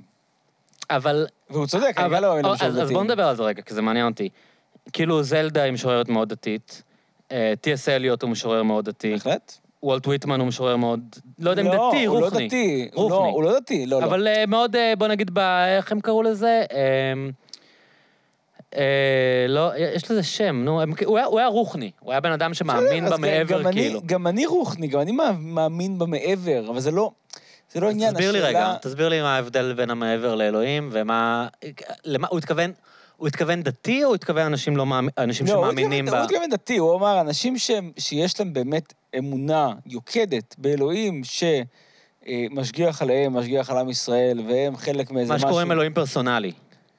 כן? לא, דווקא לא אלוהים פרסונלי, דווקא מה? אלוהים קולקטיבי של איזה עם יהודי, אה, אוקיי. ויש להם אמונה שהם רק יקרבו מצוות, אז הם בסדר, ויש להם חלק באיזה תהליך היסטורי חשוב, שהוא חלק מתוכנית על של ישות מסוימת, אז אתה יודע, אז כאילו, כמה אתה יכול להאמין למצוקות שלהם עד הסוף? כי הם מדברים? מתוך דוגמה? כן, בוודאי זה דוגמה.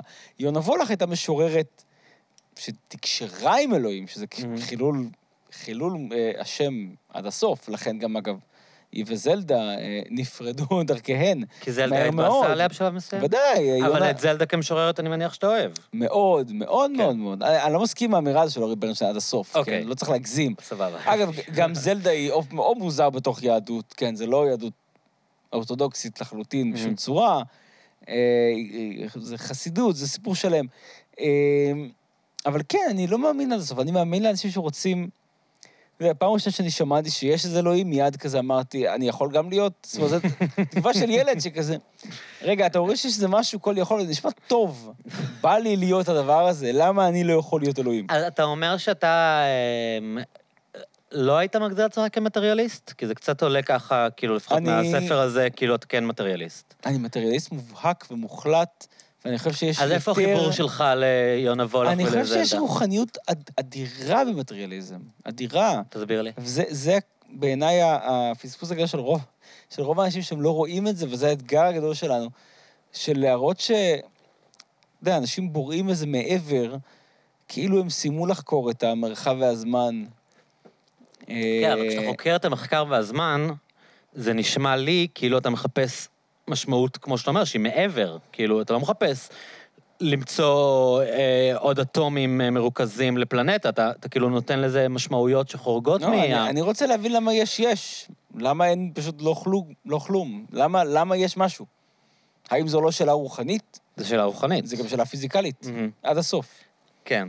אה, אז אני חושב שזה לא כל כך שונה, אני חושב שמטריאליזם, אה, יצא לו איזה שם רע, כאילו, עם חומרנות, אה, כאילו, אתה, אתה קונה דברים, אתה מטריאליסט, אבל זה לא נכון, כן? אתה קונה, אתה, אתה, מטריאליזם ב, ביסודו, היא השאלה הפשוטה, אוקיי, מה המשמעות של הדבר הזה, של כל הקיום הזה, אם הוא כן מקרי?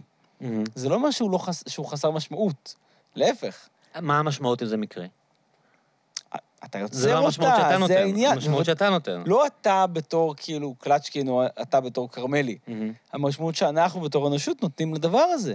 אז שעכשיו מישהו נוסע למצפה רמון ורואה מטר מטאורים, ואז הוא בודק בגוגל, ואז הוא רואה שזה... אז זה חוזר קצת למטאפורות. הוא רואה אבק נכנס זה לא- לפלנטה והוא חווה את זה כמשהו שהוא מעבר לסתם אבק שנכנס לא, לפלנטה. הוא יודע...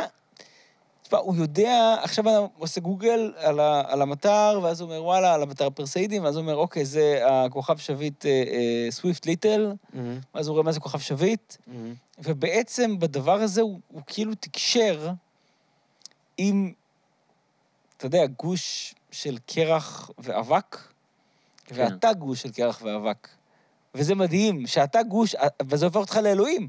מה זה אם לא להיות אלוהים? כי אתה הקוסמוס, כמו שמרק בולן שר. כן, אתה עכשיו פנית לדבר שמורכב מאותם אלמנטים כמוך בדיוק, ואמרת לו, אני רואה אותך, אני מבין אותך, אני יודע לאן אתה הולך, אני יודע מה המסלול שלך, אני יודע איפה תהיה. אני רואה אותך. והשאיפה, בסופו של דבר, אם אנחנו הולכים למחוזות יותר פרועים, השאיפה כמובן זה להפוך את כל החומר לחי וחושב ומודע. תודעה. מבחינתך זה אוסף של אה, נוירונים ואלקטרונים שהתגבשו במקרה. בהחלט, כן.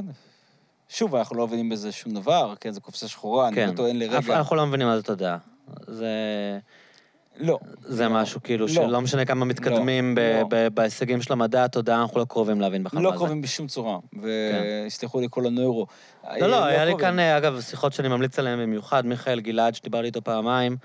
אה, אתה מכיר אותו, נכון? בוודאי, אני קורא לו דוקטור מוח. בוודאי. איש גאון ברמות, אני אביא אותו עוד. הרבה פעמים, אבל תקשיבו לשתי השיחות איתו, אז אה, הוא אומר, אין- אין אין להם בכלל, הוא. חוקר מוח, אין לה- לה- התחלה בכלל. של להבין אין מה זה. התחלה של להבין מה זה, אבל הבסיס הוא מטריאלי. אנחנו יודעים כן שזה תגובות כימיות וחשמליות במוח. הבסיס מטריאלי.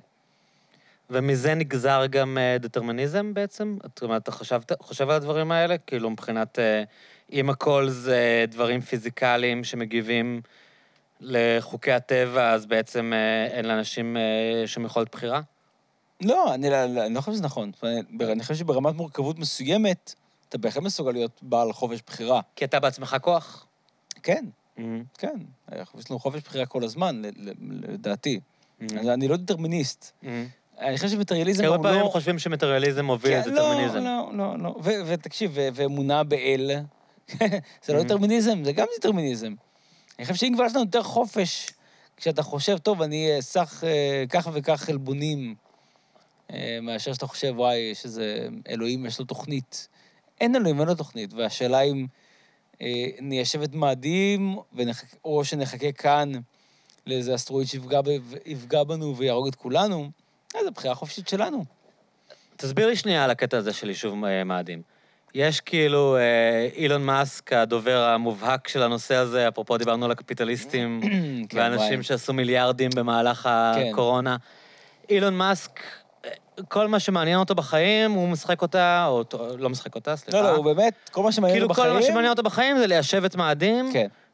הוא יורד לרמות של ניתוחים טכניים, של איך עושים את זה, מבחינתו הוא מפתח את הטסלה שלו, ועושה את כל מה שהוא עושה רק כדי להגשים את התוכנית שלו, ליישב את מאדים. לפני זה, בתור אה, נציג סוכנות החלל הישראלית פה בפודקאסט, איך, איך זה אמור לעבוד? או אני שמעתי אותו מדבר על אה, להפגיז בטילים אטומיים את הקטבים כדי ליצור שם אטמוספירה. לא, אתה מדבר על terraforming, על הארצה. ב- terraforming. הארצה באלף, כן. כן? terrafor- מלשון אז- ארץ. מה זה terraforming? terrafo- terraforming. terraf... אה, אה. שינוי, שינוי שינוי ה terra. של מאדים, או כל... שינוי הפלנטה. כן, שזה כמו כדור הארץ. כדי שיש שם אקלים שבני אדם יכולים כן, לחיות בו. זה, אבל זה חזון מאוד מאוד מאוד רחוק, ומאוד, אגב, לא פיזבילי. כלומר, בדקו את זה כמה פעמים, זה... אז הוא חי. בסרט? קודם כל, כן. הוא לא חי אגב, אני, בסרט, הוא אני, אני מנפח רק את אגיד המניות שאותו שלו. מיכאל גלעד, שהיה כאן, שדיברנו עליו, דיבר על ה... דיברתי איתו על הצ'יפ שאילון מאסק רוצה לשים לאנשים במוח, כן, והוא אמר שלאילון מאסק אין שום מושג על מה הוא מדבר. שום מושג. שהוא שרלטן שום מושג, טוטאלי, שרלטן כאילו, מוחלט, כן. ודאי. אוקיי. שוב, חשוב, חברים, להבין, אה, כל מי שמאזין לנו עכשיו, שאילן מאסק אה, מצייץ משהו שנראה שערורייתי, זה כמו שדונלד טראמפ מצייץ משהו שערורייתי. מדובר בטרול. לא רבים. בטרול, בן אדם חכם מאוד אוקיי. שמכוון למשהו. במקרה של טראמפ, קולות, במקרה של אילון מאסק, מניות. אוקיי. רוצה אילון מאסק מנפח הוא את המניות של להיות יותר עצמו. עשיר. בוודאי, וזה עובד לו. שזה גם מעניין. זה עובד למה לו 30 נהדר. מיליארד דולר לא מספיקים לבן אדם? הוא נשוי אני- לגריימס, הוא... למה הוא צריך יותר מ-30 מיליארד אתה דולר? ראית כמה הוא עשה זמן הקורונה? הוא שילש את ההון שלו. מה, מה זה? שילש. זה מין תחרות... שילש. מ- מין, זה ספורט שלהם? שיהיה לו יותר כסף ממיליארדר. אחר? לא יודע. למה זה מעניין אותו? אוקיי, בוא נדבר כן, על יודע. terraforming. עזוב, בוא בוא נדבר על דברים אה, לא. terraforming של מאדים זה ככל הנראה בלתי אפשרי, כי אין- מספיק אה, אה, פחמן דו-חמצני פשוט בכוכב הלכת, אין מספיק. לא ניכנס כאילו לא משנה איזה מניפולציות תפעיל לא, עליו, לא, עדיין לא. לא יהיה מספיק? לא, מחקר של נאסא גם אם לפני שנה... תפגיז אותו בטילים אטומיים ותחמצן... גם אם תהפוך כל סלע על פני כוכב הלכת, אין לך מספיק אה, פחמן דו-חמצני, אתה יכול להביא אולי איזשהו גז חממה מבחוץ. הם מדברים על דומים, נכון? על, על אמ, כמו בסרט, כמו ב Martian, שאתה נמצא באיזה... אז זהו, יש פה שתי דברים. יש פה אה, terraforming, שזה אומר להפוך את המחיה שם לדמוית כדור הארץ. לא אה, יקרה. ובשביל זה אתה צריך פשוט אה, אה, התחממות גלובלית. כלומר, צריך בדיוק את התהליך שקורה מה, כאן. מה הטמפרטורה על מאדים? מינוס כמה? וואי, זו שאלה... לא רציתי להתקיל אותך, אבל לא, לא, קר אני- שם לא, לאללה. אין לי בעיה. קר זוועות, זאת אומרת, אם אתה בכתבים... לא קרוב לקוטב הצפוני שלנו. לא. אוקיי. נכון שאם אתה עכשיו על קו המשווה ביום הכי חם של השנה, זה גם יכול להגיע ל-20 מעלות. במאדים? במאדים. אה, זה מגיע ל-20 כן, מעלות? כן. אוקיי. ביום הכי חם של השנה, על קו המשווה. ומאדים אה, הוא כוכב יותר... הוא פלנטה, סליחה. כוכב לכת כוכב לכת. יותר גדול מאיתנו? קטן מאיתנו. אוקיי. כן, בערך אה, אה, שליש מאיתנו, יותר קטן. אה, הוא פיצי. פיצי, כן. Mm.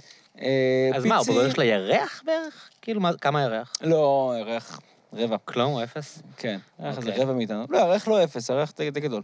אוקיי. אה, מאדים, טוב, זה זה סיפור כאילו, מאדים ככל הנראה, מאחר שהוא קטן מדי, באיזשהו שלב הפסיק, הפסיק אפקט הדינמו בליבה שלו. מה זה אפקט הדינמו, סורי? זה גם של ה... זה, אבל אה, בגדול אה, יש אה, מתכות בליבה, כמו ברזל, שבגלל הלחץ האדיר והאטמוספירה והטמפרטורה המטורפת, הם במצב צבירה נוזלי. אוקיי. יש לך ברזל נוזלי בכדור הארץ, מסתובב עם סיבוב כדור הארץ, Mhm. אוקיי? ברזל נוזלי מסתובב, מייצר שדה מגנטי. מהמם. זה נגד הכתבים? כתבים ובכלל שדה מגנטי, כל מה שמגן עליך מפני קרינה מטורפת. אה, במאדים, מאחר שהוא אוקיי. קטן מדי, מתישהו הברזל אה, נהיה מוצק, איבד את השדה המגנטי שלו, ואז באה אין רוח כוח סולארית. משיכה שם? יש כוח משיכה, שדה מגנטי. השדה המגנטי מגן מפני רוח סולארית, מפני חלקיקים טעונים מטורפים שמגיעים מהשמש. אוקיי. החלקיקים המטורפים האלה הגיעו, הם פשוט העיפו את כל האטמוספירה שלו. אין לה אז האטמוספירה מאוד מפוזרת, כאילו אתה מקבל לא, את הקרינה. הסולארית. לא, היא אבודה. היא אבודה. יש היום במאדים... אם אני שם בלי חליפת חלל, אני מקבל קרינה סולארית ומת? או שזה... אתה קודם כל נחנק. אה, כי אין לי חמצן. אה, לא חמצן, אין לך, אין לך כלום. אוקיי. זאת אומרת, המאדים, האטמוספירה שלו הוא כ- פחות מ-1 אחוז. אז מה אנחנו תקועים על. הפלנטה הזאת? למה אני לא יודע. כי קרובה? אני, אני לא יודע. היא קרובה, תראה, ברור... כי אני, אני, אני פשוט, אנשים, אני מדבר עם אנשים על זה, שכאילו הם כזה מעריצי אילון מאסק, כן. ואז הם מתחילים לדבר איתי על כאילו נחיה בדומס, ואתה יודע, כמו ב... אתה זוכר את אה, זיכרון גורלי? כן, כן. חי... אז אני אומר להם, למה לא בסהרה? למה לא בגובי? עזוב את זה. כאילו, בוא, לא. בוא ניישב את הסהרה, למה אנחנו צריכים ליישב את מאדים? לא, אני, אני, אני לא חושב, אני, אני באמת מאמין גדול בכך שהאנושות צריכה לצאת מכדור הארץ. למה? למה לא לחלל, אבל?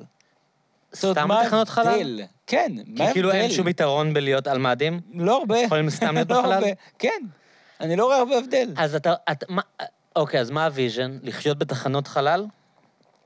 למה לא? ל- למה כן?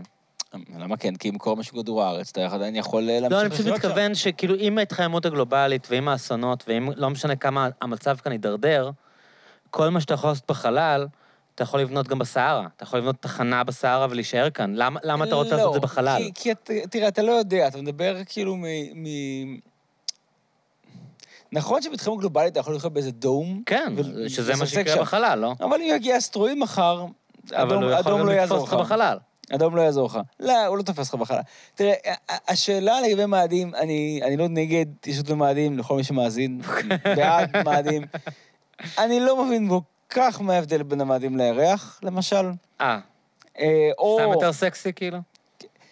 כי מאדים לכאורה נותן את ההרגשה שזה עולם חדש, ואני יכול לנצל את המשאבים הטבעיים בו. לכאורה. מהמם.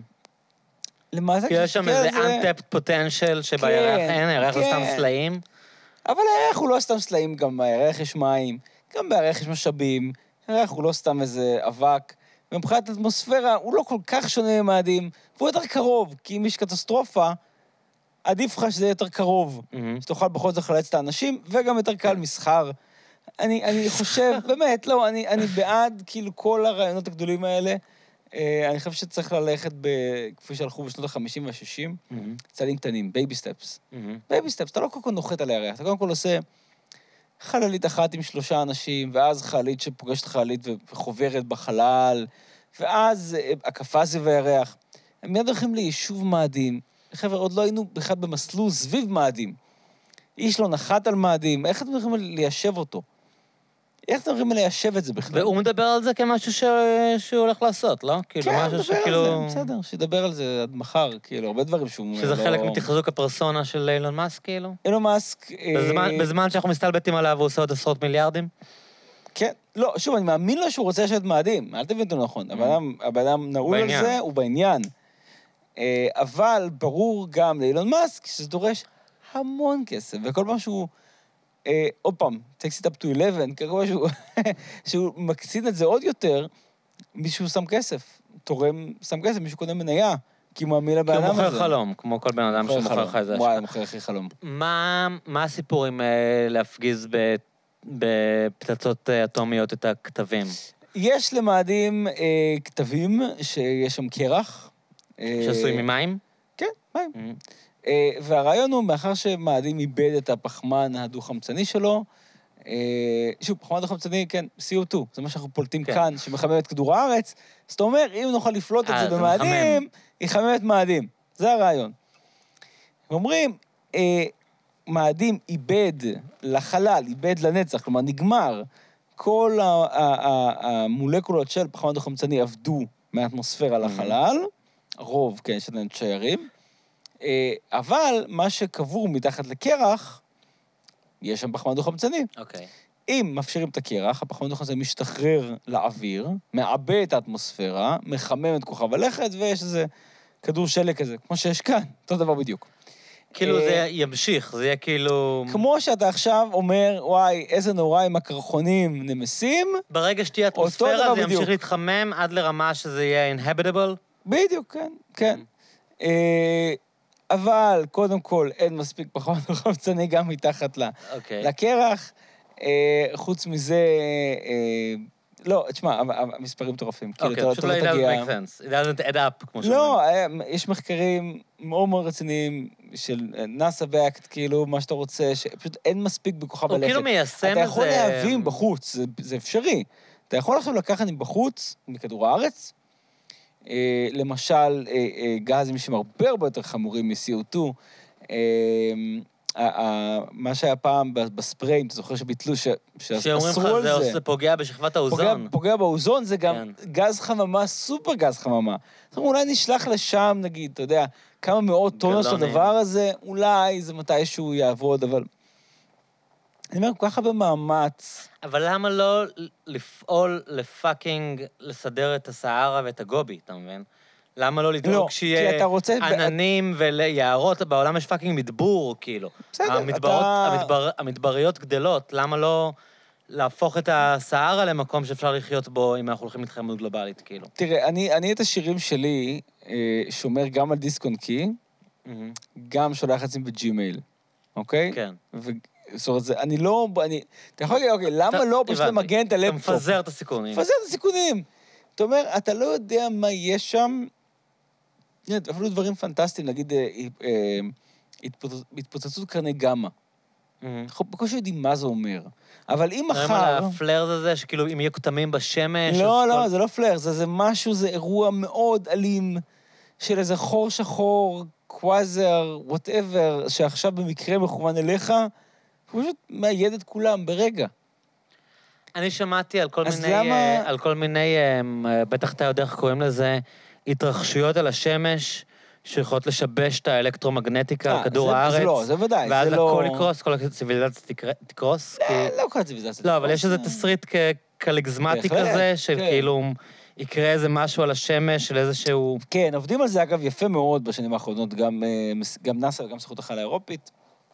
יש עכשיו את הסולר אורביטר ואת הפארקר סולר פרוב. מה הפחד בעצם? מה- מה חושבים שיכול לקרות? תהיה, תהיה התפרצות אה, אה, סולארית. יש כל הזמן התפוצצויות. אטומיות על השמש, נכון? זה משהו שאפשר להקביל אה, להתפוצצויות כן, אטומיות. כן, כן, סוג של. ולפעמים יש סופה, מה שנקרא, יש רוח, כן, יש בדיוק. רוח סולארית ויש על זה סופה שמעתי, סולארית. כן. סופה סולארית, בדיוק. התפרצות רצינית מאוד, שבמקרה, במקרה מכוונת כלפינו, Mhm. אה, היא יכולה פשוט לקצר את כל Mhm. המכשירים האלקטרוניים, כן. את כל רשתות החשמל. שנקום בבוקר ולא יהיה... כן. כל המידע שלנו יימחק, ולא יהיה מגנטיות, ולא יהיה לנו כל המידע. יימחק, אבל ודאי רשתות חשמל ואינטרנט ייפלו לכמה שעות.